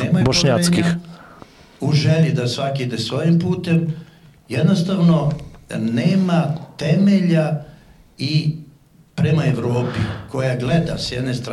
Więc nie ma podstawy uważać Tadeusza Mazowieckiego za antyserbsko nastawionego. pravoslavne prema pravoslavcima, a postoji e, animozitet prema bosanskim muslimanima. Z jakiegoś powodu niejasnego dla mnie istnieje I w Unii Europejskiej negatywne nastawienie do 1. maja bośniackich muzułmanów, których Europa postrzega za terrorystów. Kiedy w udarna 2003 vest da je to jedan musliman. pojawiła się, była tragedia w Madrycie, pierwsza rzecz jaka się pojawiła, pierwsza informacja to była o tym, że muzułmanie to zrobili. Niestety. Dejtonskog sporazuma bile obavezno da se 90 dana po završetka rata. Svi paramilitarni, oni koji nisu u sastavu armija, E, jeden z głównych, jedna z głównych rzeczy w Dayton y, zapisana dotyczyła paramilitarnych jednostek muzułmańskich, które uczestniczyły w wojnie i w Hercegowinie, które powinny były się wycofać i wycofały się, więc y, absurdem jest e, mówienie o terrorystycznym zagrożeniu w Bośni i Hercegowinie ze strony muzułmanów. Srpska, Hrvatska slavi one datume kada su krenuli u agresiju na Bosnu i Hercegovinu. A, a o podziale Bośni i srpski, najlepiej świadczy to, że e, poszczególne armie- poszczególne armie sławią, e, obchodzą e, święta ataku na armię Bośni i Hercegowiny, czyli ar, armia serbska e, obchodzi rocznicę ataku na armię muzułmańską i armia chorwacka tak samo. sastavom, pazite, vaša država je usvojila deklaraciju Europskog parlamenta o genocidu u Srebrenici. E, Oczywiście Polska e, przyjęła deklarację o ludobójstwie w Srebrenicy. Parlament Bośni i Hercegowiny nie, ponieważ przedstawiciele serbo, serbskiego narodu nie chcą głosować za uznaniem tej deklaracji, podobnie Belgrad.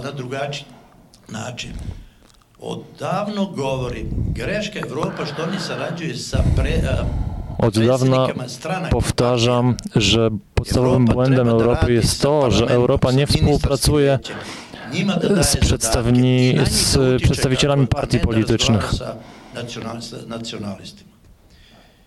które mogą stworzyć alternatywę. Nie trzeba rozmawiać z nacjonalistami, tylko trzeba rozmawiać z opozycją.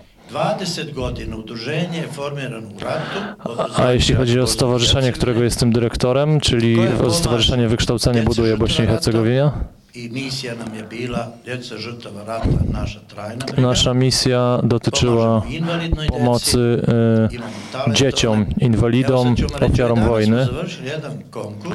I ostatnio zakończyliśmy jeden konkurs dla dzieci, dla najlepszych uczniów średnich szkół. studente koji završavaju sa ocenom 8.51. Dla tych uczniów,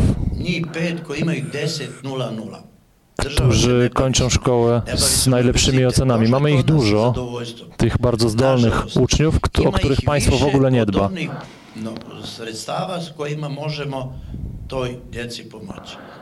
Nie mamy niestety wystarczających środków, by pomóc tym wyjątkowo uzdolnionym 10 dzieciom,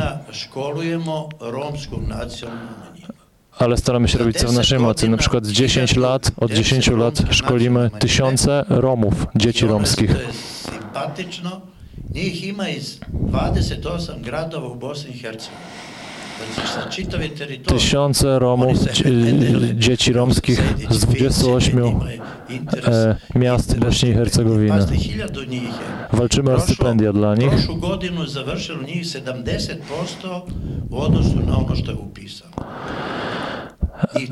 I efekty tego, e, tego kształcenia są bardzo widoczne, ponieważ oni kończą szkoły. Zazwyczaj romskie dzieci w Bośni i Hercegowinie mają z tym problem ze względu na dyskryminację narodowościową i etniczą, natomiast ci, których wspieramy, zazwyczaj udaje im się kończyć szkołę. 70% naszych uczniów kończy szkołę. E, My próbujemy im pokazać, że jest w naszym kraju ktoś, kto chce im pomóc, że możemy być dla nich drugimi rodzicami. Nie nazywają mnie pan Jowan, tylko wujek tako isto. Tak, tak. Jer oni u mene vide ono što oni nemaju kući, što su izgubili ne samo mene ili drugo. To są dzieci, które nie mają domu, zazwyczaj stracili kogoś podczas wojny.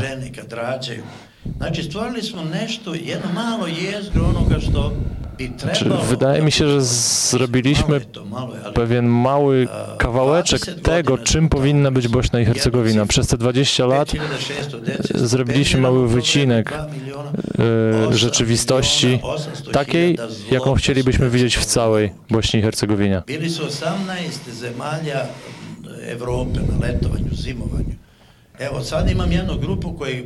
Na przykład teraz mam jedną grupę uczniów, którzy byli w Brukseli.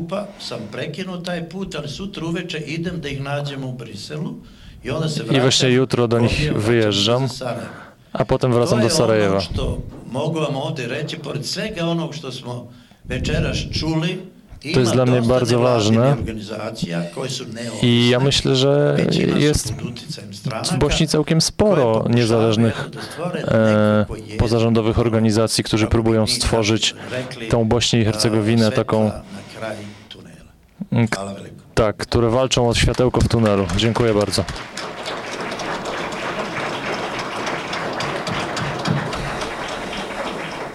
A jeszcze, a jeszcze te powodzie, które ostatnio jedna, jedna po drugiej yy, nawiedzają ten nieszczęsny kraj.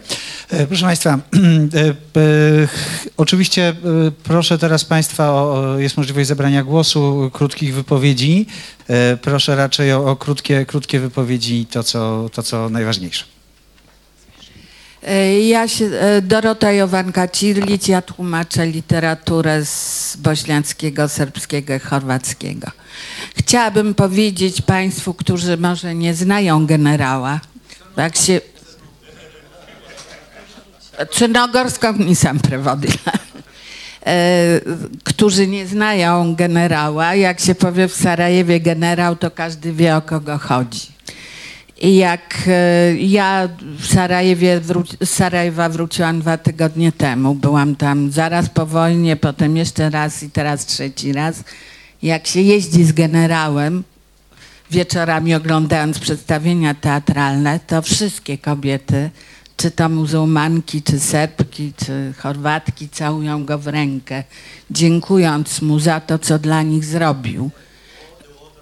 Ne, u ruku, u ruku su te, pa videla sam. No. Dobrze, w, w, w, Policzek też, ale ja zapamiętałam to, jak pewna starsza kobieta, która właśnie niosła drzewo z lasu, zobaczywszy generała, podbiegła, zrzuciwszy to drzewo i pocałowała go rękę. Pamiętam to do dzisiaj. Więc taki jest generał. Chciałabym, żebyście Państwo wiedzieli, kto do nas przyjechał.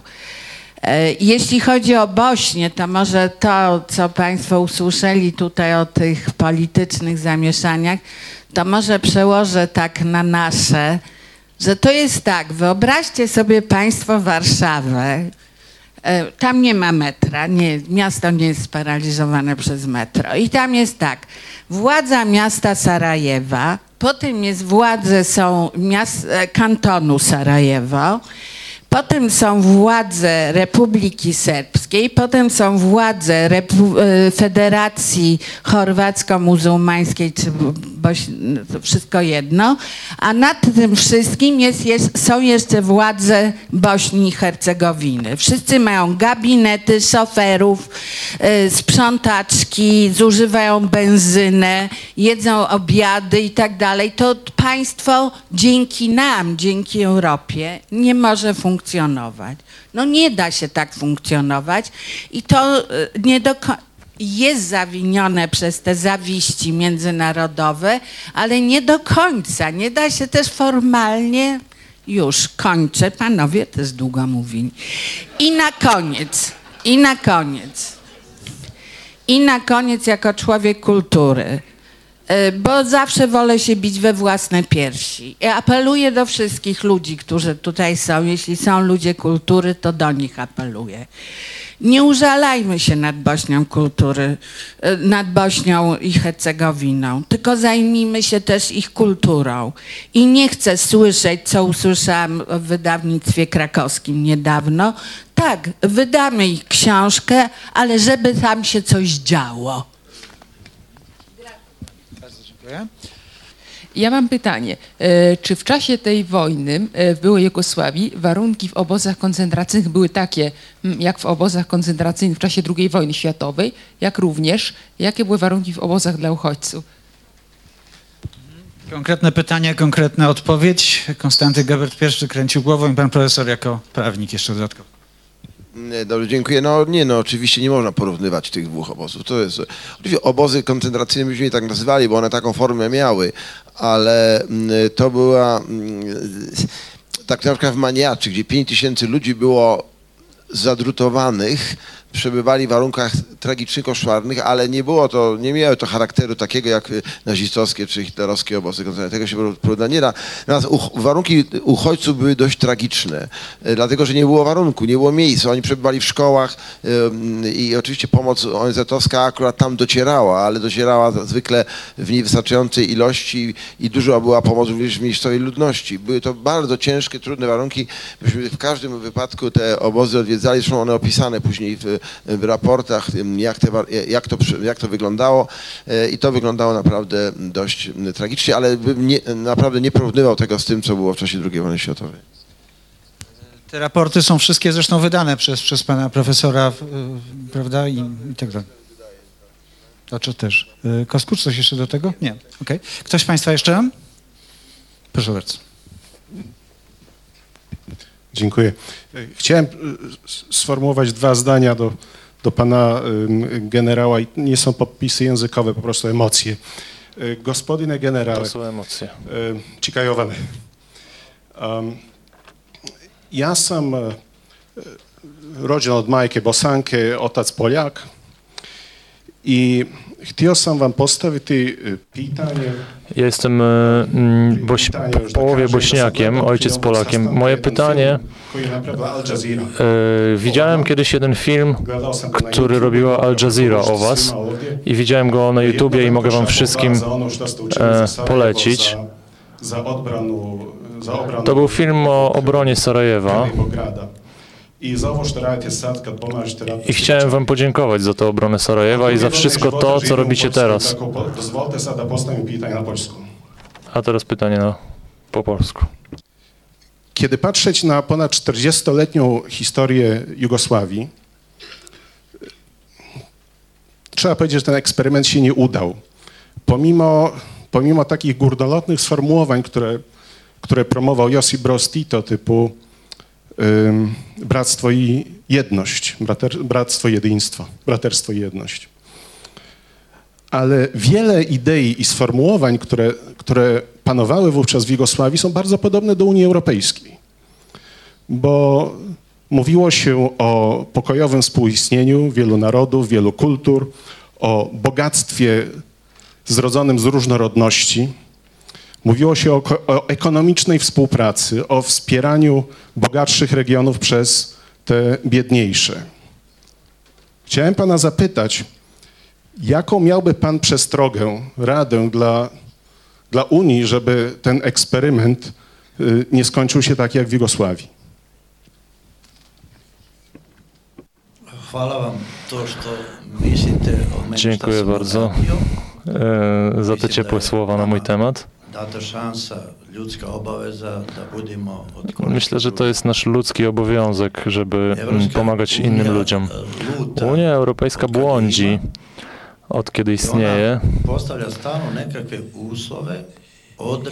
ona Poszczególnym państwom stawia cały czas jakieś warunki i wobec jednych ma pewną sympatię, a wobec innych nie. My w Bośni i Hercegowinie zawsze cały czas pytamy się sami siebie, jak to się stało, że Unia Europejska zaakceptowała Rumunię i Bułgarię, przyjęła Rumunię i Bułgarię, a nie przyjęła państwa, które po wojnie kontynuowało jednak wysiłki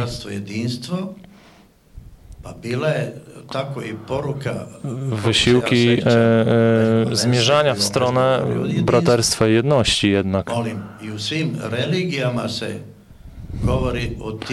W końcu we wszystkich religiach mówi się o elementach humanizmu, o pewnej, pewnych uniwersalnych zasadach moralnych i o miłości do bliźniego. Dovelo do pada. E, Moim zdaniem to, co doprowadziło do upadku socjalizmu, to były przyczyny na ekonomiczne przede wszystkim. I z, przede wszystkim z powodów ekonomicznych, z powodów ekonomicznych rozpadła się Jugosławia, nie, nie podążała za trendami ekonomicznymi, które się wtedy działy w Europie. Ja myślę, że teraz Europejska Unia e, negatywnie, w negatywny sposób oddziałuje na ekonomię, na przykład w Hiszpanii, Grecji. I to jest błędna strategia, która prowadzi do tego, że w Europie, a wy to wiecie lepiej,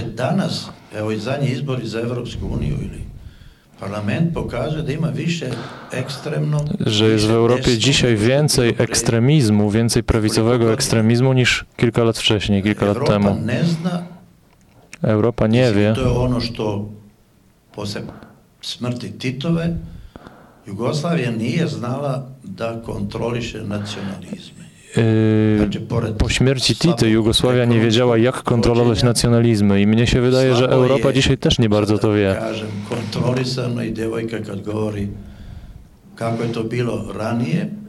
I kiedy rozpada się ekonomia, a do głosu dochodzą prawicowe ekstremizmy, nacjonalizmy, należy je 40 kontrolować. Komuniści 40 lat kontrolowali nacjonalizmy w Jugosławii, da se Evropa nalazi na takvom nekakvom ale przestało im się udawać. I ja się obawiam, że e, w tej chwili Europa Europa znajduje się dziś na podobnej drodze. Nie wiem dokładnie, jak jest, jaka jest dzisiaj sytuacja w Holandii i iskustvo północnych państwach Europy, ale wydaje mi się, że ten przykład Jugosławii e, niestety jest tutaj miarodajny. Jeszcze do tego samego ekspert od polityki międzynarodowej, Konstanty Gebet. W sierpniu 1992 roku odbyłem rozmowę z ówczesnym prezydentem Izetbegowiciem i pytałem go, dlaczego e, on nie podda miasta Serbom, bo militarnie miasto było nie do obrony. Gdyby Serbowie byli gotowi zapłacić cenę w postaci no, paru tysięcy zabitych podczas szturmu miasta, to by mogli wziąć miasto w tydzień. E, I Izetbegowicz odpowiedział, no nie, proszę pana, Europa przyjdzie nam z pomocą. Po czym muszę coś takiego zobaczyć w mojej twarzy, że to, to nie, ja nie, ja nie jestem naiwny, ale my tutaj w Bośni bronimy tych wartości, na których Europa jest zbudowana. Bronimy niedopuszczalności agresji e, w stosunkach międzynarodowych, e, bronimy tego, że obywatelstwo jest ważniejsze od narodowości. No i Europa nie może nam nie pomóc, bo to by znaczyło, że zdradziła wartości, na których sama jest zbudowana. No i tej zimy w Sarajewie więcej ludzi zmarło od chłodu i, i oblężenia niż od serbskich kul. Więc y, jedną z lekcji tego, co się tam zdarzyło, jest to, że Europa jak najbardziej potrafi zdradzić wartości, na których jest zbudowana, pod warunkiem, że kto inny płaci rachunek.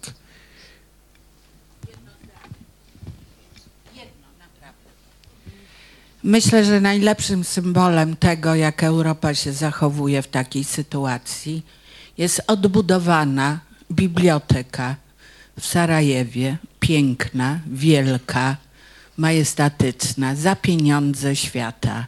Tylko nie ma w nich książek, bo one spłonęły. Dwa miliony woluminów. Widzę jeszcze y, dwa, dwa zgłoszenia z sali. Bardzo proszę, będziemy kończyć, już od dwóch godzin tu jesteśmy, także e, będziemy zmierzać ku końcowi. Proszę bardzo. Dzień dobry. E, Chciałem zadać dwa pytania. Jedno bardziej historyczne, drugie bardziej aktualne. Bo mówiąc tutaj o roli y, pana Mazowieckiego, cały czas w zasadzie y, funkcjonujemy w, takim, w takiej perspektywie idealizmu i, i, i tego, co, czy, tego jakby jakiejś, tego, co jakby charakteryzowało jego działanie. Natomiast chciałbym troszeczkę bardziej od strony zapytać od, od strony realpolityk bo y, jest dużo jakby świadectw, czy dużo przesłanek do tego, bo, żeby stwierdzić, że Srebrenica, zresztą tak samo jak Rzepa, były, mówiąc kolokwialnie, sprzedane, bo y, jakby w każdym z możliwych planów pokojowych znajdowały się w, w, po stronie jakby, czy, czy, czy w tej części mapy y, przekazy, która, była przewidziana dla Serbów. Dlatego prosiłbym o, o odniesienie się do, do, do, do takiej tezy. Zresztą y, też ostatnio nawet oglądałem, wy, wy, wy- wypadło mi teraz z głowy nazwisko szefa policji w Srebrenicy. W wywiadzie, nie, nie pamiętam, do brytyjskiej telewizji, który mówił o tym, że już w 93 Izetbegowicz coś takiego mu przedstawił. Także to jest to pytanie, jeżeli chodzi o historię, a pytanie aktualne, y, czy Państwo widzą coś pozytywnego, jakieś, nie wiem, bo ja dużo jeżdżę do Bośni i w zasadzie słyszę tylko, widzę depresję, w zasadzie nic pozytywnego, za każdym razem, y, za każdym razem jest to samo.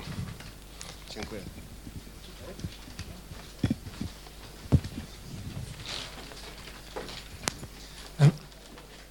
Ja chciałem zapytać, y, bo nie wiem, chyba nie było to wystarczająco jasno powiedziane.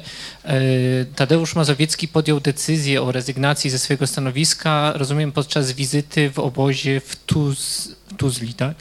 Czy Tadeusz Mazowiecki, znaczy czego on się dokładnie dowiedział tam w tym obozie, że podjął tą decyzję właśnie wtedy? Bo w sumie widział, co się dzieje w Bośni przez ostatnich kilka e, no, miesięcy, e, więc co właściwie skłoniło go do podjęcia tej decyzji i czy wiedział wtedy, prawdopodobnie nie, ale czy wiedział o Srebrenicy właśnie wtedy, czy...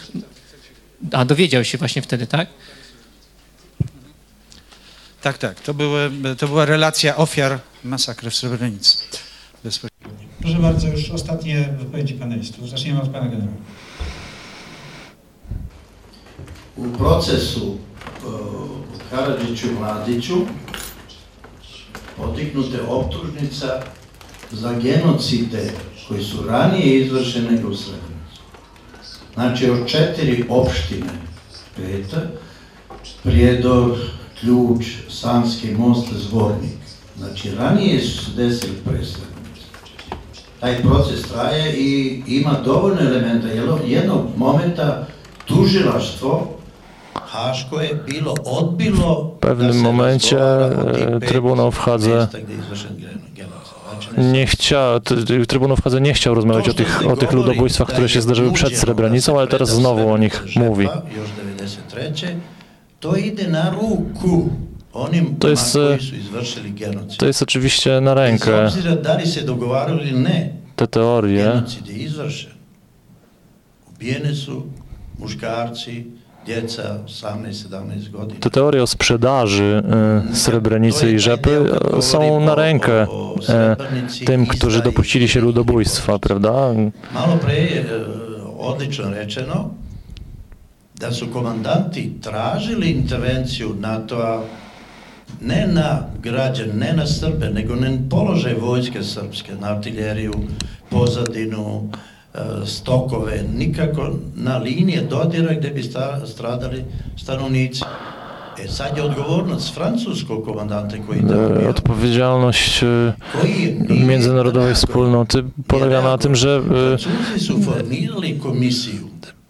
polegało na tym, że Francuzi nie zareagowali na, ten, e, na tą prośbę holenderskich żołnierzy, żeby, e, żeby dać puścić naloty na serbskie stanowiska. Więc... Još jedno tamo. jeszcze jedno pytanie było. Ne, ne, ne, samo znate, ja što ja se, ali ja ne mogu da shvatim da vi uvek dođete u Bosnu, Nie mogę zrozumieć, jak to jest, że wy przyjeżdżacie do Bośni i sliku. mówicie, że e, trafiacie na Hercegovike? na jakąś e, ciemną depresję. Czy nie trafił pan nigdy na e, piękne bośniaczki? E, sam, ja teo malo i šalu da napravim. E, To oczywiście żart. Međutim, kad na onaj koji se nevladinim Ale kiedy porozmawiacie z tymi ludźmi, którzy pracują w organizacjach pozarządowych, Sarajewo cały rok, cały rok jest aktywnym centrum kultury światowej i europejskiej. Ove godine obeleženo čak 20 W tym roku była rocznica, e, 20. rocznica zimy sarajewskiej, związanej z e, olimpiadą w 1984 roku. I nawet vama, podczas wojny obchodzone było to wydarzenie. 93. Sarajewo w marcu 1993 roku zorganizowała svećama. wojennego Sarajewa, wybory Miss Sarajewa. Bez, bez niczego, bez ogrzewania, bez jedzenia. Odbywały się przedstawienia teatralne, na 59 przykład czekając na Godota. Każdego roku odbywa się bardzo wiele e, wydarzeń kulturalnych. E, Znači, Przyjeżdżają goście z całej Europy, również z Polski. Uslov da kažem, kao ovdje što sam bio sad u vašem, danas pokazali su mi stari i novi deo, postoji jedan deo koji negde oko W każdym mieście istnieje pewna, pewne miejsce, pewne miejsce, zamrla. Gdzie dzieje się coś nieprzyjemnego w każdym mieście. Tak samo w Warszawie pokazywali, pokazywano mi to dzisiaj. W je Sarajewo również. Trzeba mieć na uwadze, że te tysiące, te tysiące uchodźców, które w Sarajewie się znalazły, ale również ludzi, którzy wynieśli się stamtąd. To są wielkie migracje, a mimo to, Kad govorimo o arhitekturi koja je čudesna kao što je kiedy mówimy o kulturze, kiedy mówimy o architekturze, nažalost na, na telima mnogih vaših koji su stradili u radu, e, ratu dignete su, dignete su nove zgrade, tamo u tom delu Sarajeva je Evropa. Nažalost, zbog mnogih tej części podele Sarajeva. Meni Sarajevo Trudno mi jest mówić o tym, że Sarajewo jest podzielone, ale mimo wszystko w Sarajewie dzieje się wiele wydarzeń kulturalnych. Te migracje oczywiście e, w negatywny sposób wpłynęły, ale istnieje część Sarajewa, który się nazywa Wschodnie Sarajewo. 70.000 pravoslavaca Tam żyje 70 tysięcy prawosławnych. i zazwyczaj nikt z nich nie przyjeżdża do Sarajewa, tego właściwego Sarajewa. A podobnie jest z ludźmi z Sarajewa, którzy nigdy nie jeżdżą do Banja Luki na przykład. Znaczy, mnie się wydaje, że e, dzisiaj wśród młodych jest bardzo dużo nienawiści. Jest jej dużo więcej niż wśród ludzi, którzy dorastali podczas wojny. Znači ne mi, nego Tylko krótko, a propos, a propos symbola, Ja sam jako miasto oporu, więc jako symbola multietniczności i koncepcja multietniczności Bośni świadczy to, że e, a drugi atrybut dla Sarajewa jest europejska Jerozolima. Jest to jedyne miasto na świecie obok Jerozolima, który na pomieszczeniu 100 metrów kwadratowych posiada wszystkie świątynie e, monoteistyczne. Cerkwa prawosławna, meczet, katedrala i, i synagoga. I e, tym bardziej, że te świątynie przetrwale e, nie doszło do zniszczenia, nie doszło do zemsty. e, Podczas znaczy całego czasu obledzenia, e, obledzenia Sarajewa i po. I ta, ta koncepcja tej multireligijności, multietniczności poprzez te świątynie absolutnie e, e, ma sobie takie, jak, jak to kažem, poruka na polskim? Przekazanie. Przesłanie, ma, ma przesłanie światu, że jednak bez względu na te tragedie, którą, którą, które Bosnia dotknęła, ta multietniczność e, na, na, znaczy na przykładu Sarajewa nigdzie, nigdzie nie zginie. se upotrebljava Często mm, używa się tego określenia Europejska Jerozolima, ale ja tego nie akceptuję, ponieważ w Jerozolimie w Jerozolimie, e, w Jerozolimie religie są oddzielone od siebie, a w Sarajewie one żyją razem ze sobą. Dlatego nie jest Europejska Jerozolima, to jest coś innego.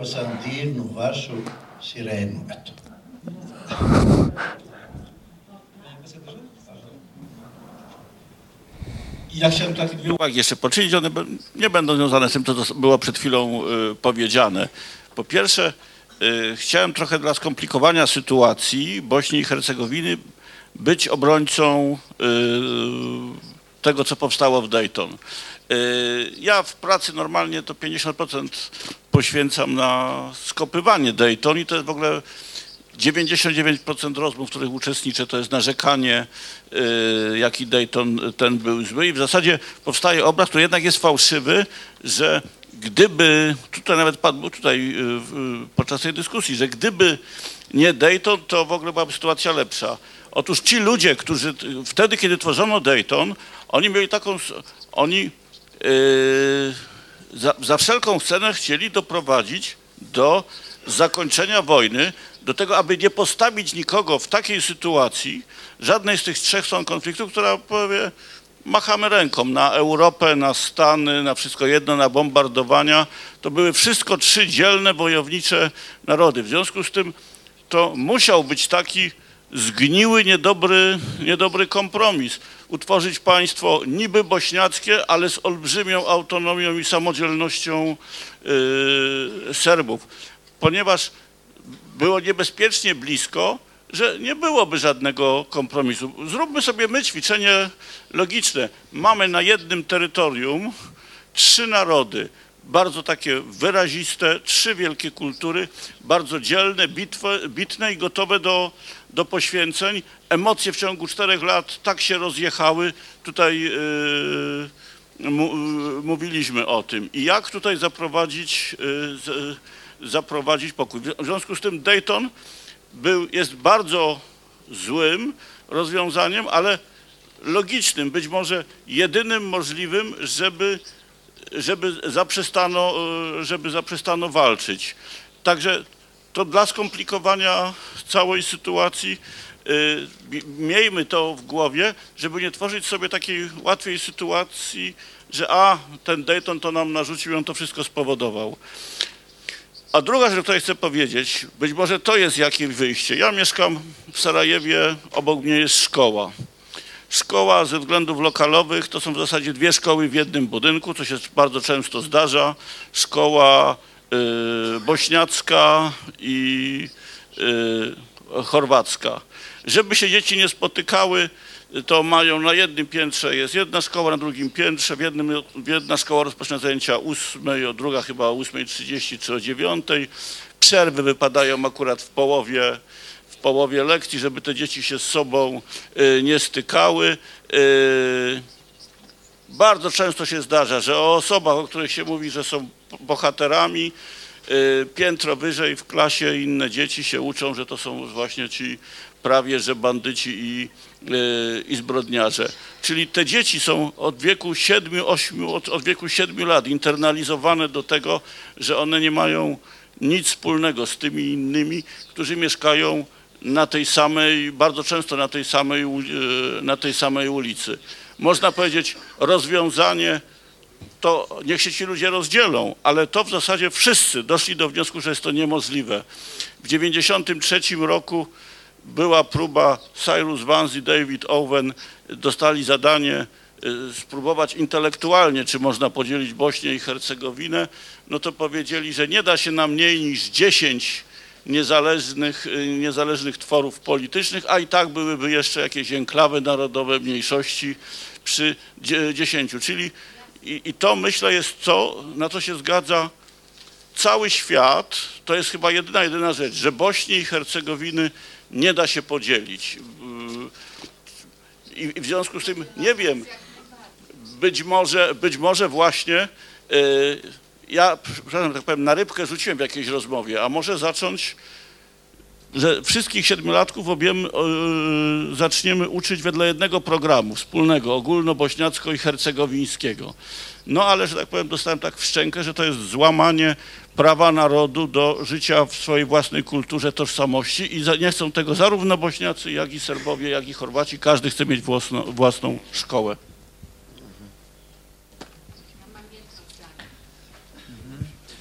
Kostku? No, z Dayton jest ten kłopot, że jak mówił pan Tadeusz, no, nie można bandyty i państwa członkowskiego ONZ stawiać na tej samej płaszczyźnie. A jeżeli się stawia, no to ma się konsekwencje, takie jakie mamy w Bośni dzisiaj. E, być może tego rodzaju zgniły kompromis był konieczny dla zakończenia wojny, z całą pewnością był fatalnym fundamentem dla budowy pokoju. I jako minimum e, do przewidzenia było, że obarczenie Bośni taką konstytucją e, zaowocuje taką sytuacją, o jakiej pan ambasador teraz mówił, prawda, tych dzieci uczących się w podzielonych szkołach. Czasami one są fizycznie podzielone murami na pół. W Bośni mury są wewnątrz budynków, a nie na zewnątrz nich. E, w tej chwili w Mostarze jest rozpatrywana bardzo rewolucyjna propozycja, żeby ze względu na konieczności częścia, cięcia budżetu oświaty zintegrować sale gimnastyczne. I jest ogromny niepokój, czy to wyjdzie, czy to nie doprowadzi do nowego konfliktu, ale po prostu nie ma już pieniędzy na odrębność na zajęciach z WF-u. Jeżeli to się uda, to być może w ciągu najbliższych dziesięcioleci uda się zintegrować chemię, a może nawet fizykę. Ale to jest, powtarzam, to jest spuścizna tego, co przyjęli w Bośni, e, w Dayton. E, Dwie bardzo krótkie uwagi. E, Hipoteza, że doszło do handlu enklawami, pojawia się od dawna. Nasser Oricz o tym wspominał, dowódca obrony Srebrenicy. Jest ona wyobrażalna, nie ma na to żadnych dokumentów. E, Natomiast e, tym, co zmieniło zdanie Mazowieckiego, to była ta nowa jakość, e, że ONZ staje się nie tylko winna bezczynności, ale w Srebrenicy współwinna masakry. Myśmy zagwarantowali mieszkańcom Srebrenicy bezpieczeństwo. Zresztą jako ciekawostkę można dodać, że Srebrenica w 1995 roku miała lepsze gwarancje bezpieczeństwa niż Rzeczpospolita Polska. Myśmy wtedy byli tylko w partnerstwie dla pokoju, nie byliśmy jeszcze w NATO. Srebrenica miała mocniejsze gwarancje bezpieczeństwa. I wreszcie, co jest dobrego? Wie pan, dobre na przykład jest to, że oni tam jednak nie zwariowali. Dobre jest, to to jest być może program minimum, e, ale wziąwszy pod uwagę alternatywę, to ja jestem bardzo szczęśliwy, że ten program minimum jest spełniany. Mało tego, dobre jest to, że oni naprawdę widzą groteskę, ponurą groteskę, w której się znaleźli i niezależnie od deklarowanego wyznania i narodowości, śmieją się z niej dokładnie w ten sam sposób, a przez moment na wiosnę tego roku wyszli razem na ulicę, powodowani tą samą furią na groteskę, której, którą kazano im znosić. I tu wyszli znowu na ulicę bez względu na narodowość i wyznanie. I wreszcie co do tej e, małej Jerozolimy, nie dajmy się zwariować, to kiedyś był europejski standard, że świątynie różnych wyznań stawiano niedaleko od siebie, bo najwyraźniej ludziom nie przychodziło do głowy, że w ramach sporów teologicznych będziemy sobie nawzajem wybijać szyby czy podpalać świątynie. E, W Sarajewie dzisiaj to jest bardziej wydmuszka, bo w większości tych świątyń mało kto już się modli, E, ale to była europejska norma. Nie dajmy się zwariować. Do tej normy będzie można jeszcze kiedyś powrócić. Dziękuję bardzo. Proszę Państwa, e, jako tytuł tego spotkania wybraliśmy dzisiaj e, fragment e, słów Tadeusza Mazowieckiego, kiedy wyjaśniał swoją decyzję o rezygnacji ze swojej misji. Powiedział wtedy, dałem świadectwo temu, że uczciwość musi stać ponad pokrętną dyplomacją, w której słowa o obronie praw człowieka przestają cokolwiek znaczyć. Uważałem tak jako człowiek, ale także jako chrześcijanin, który składa w ten sposób świadectwo. Nie uczyniłem nic wielkiego, postąpiłem tak, jak nakazywało mi sumienie. E, I te słowa i, cały przebieg tej dyskusji, za który bardzo e, dziękuję panelistom, pokazują, jak e, bardzo potrzeba dzisiaj Polsce, Europie, światu ludzi takiego formatu jak Tadeusz Mazowiecki. Dziękuję Państwu również za, za udział w tym spotkaniu. Dziękuję raz jeszcze e, panelistom, generałowi Iwan Diwiak e, e, i Konstanty Gebert, ambasador Andrzej Krawczyk, Emina Ragipowicz i profesor Roman Wieruszewski. Dziękuję raz jeszcze wszystkim organizatorom i którzy sprawili oraz oczywiście tłumaczowi, którego nazwiska zapomniałem, ale tłumaczę zawsze, zawsze pozostają. Tomasz Rawski, proszę pana. Muszę Państwu wiedzieć, że dla tłumacza tłumaczyć bez zmiany przez 2,5 godziny to jest horror.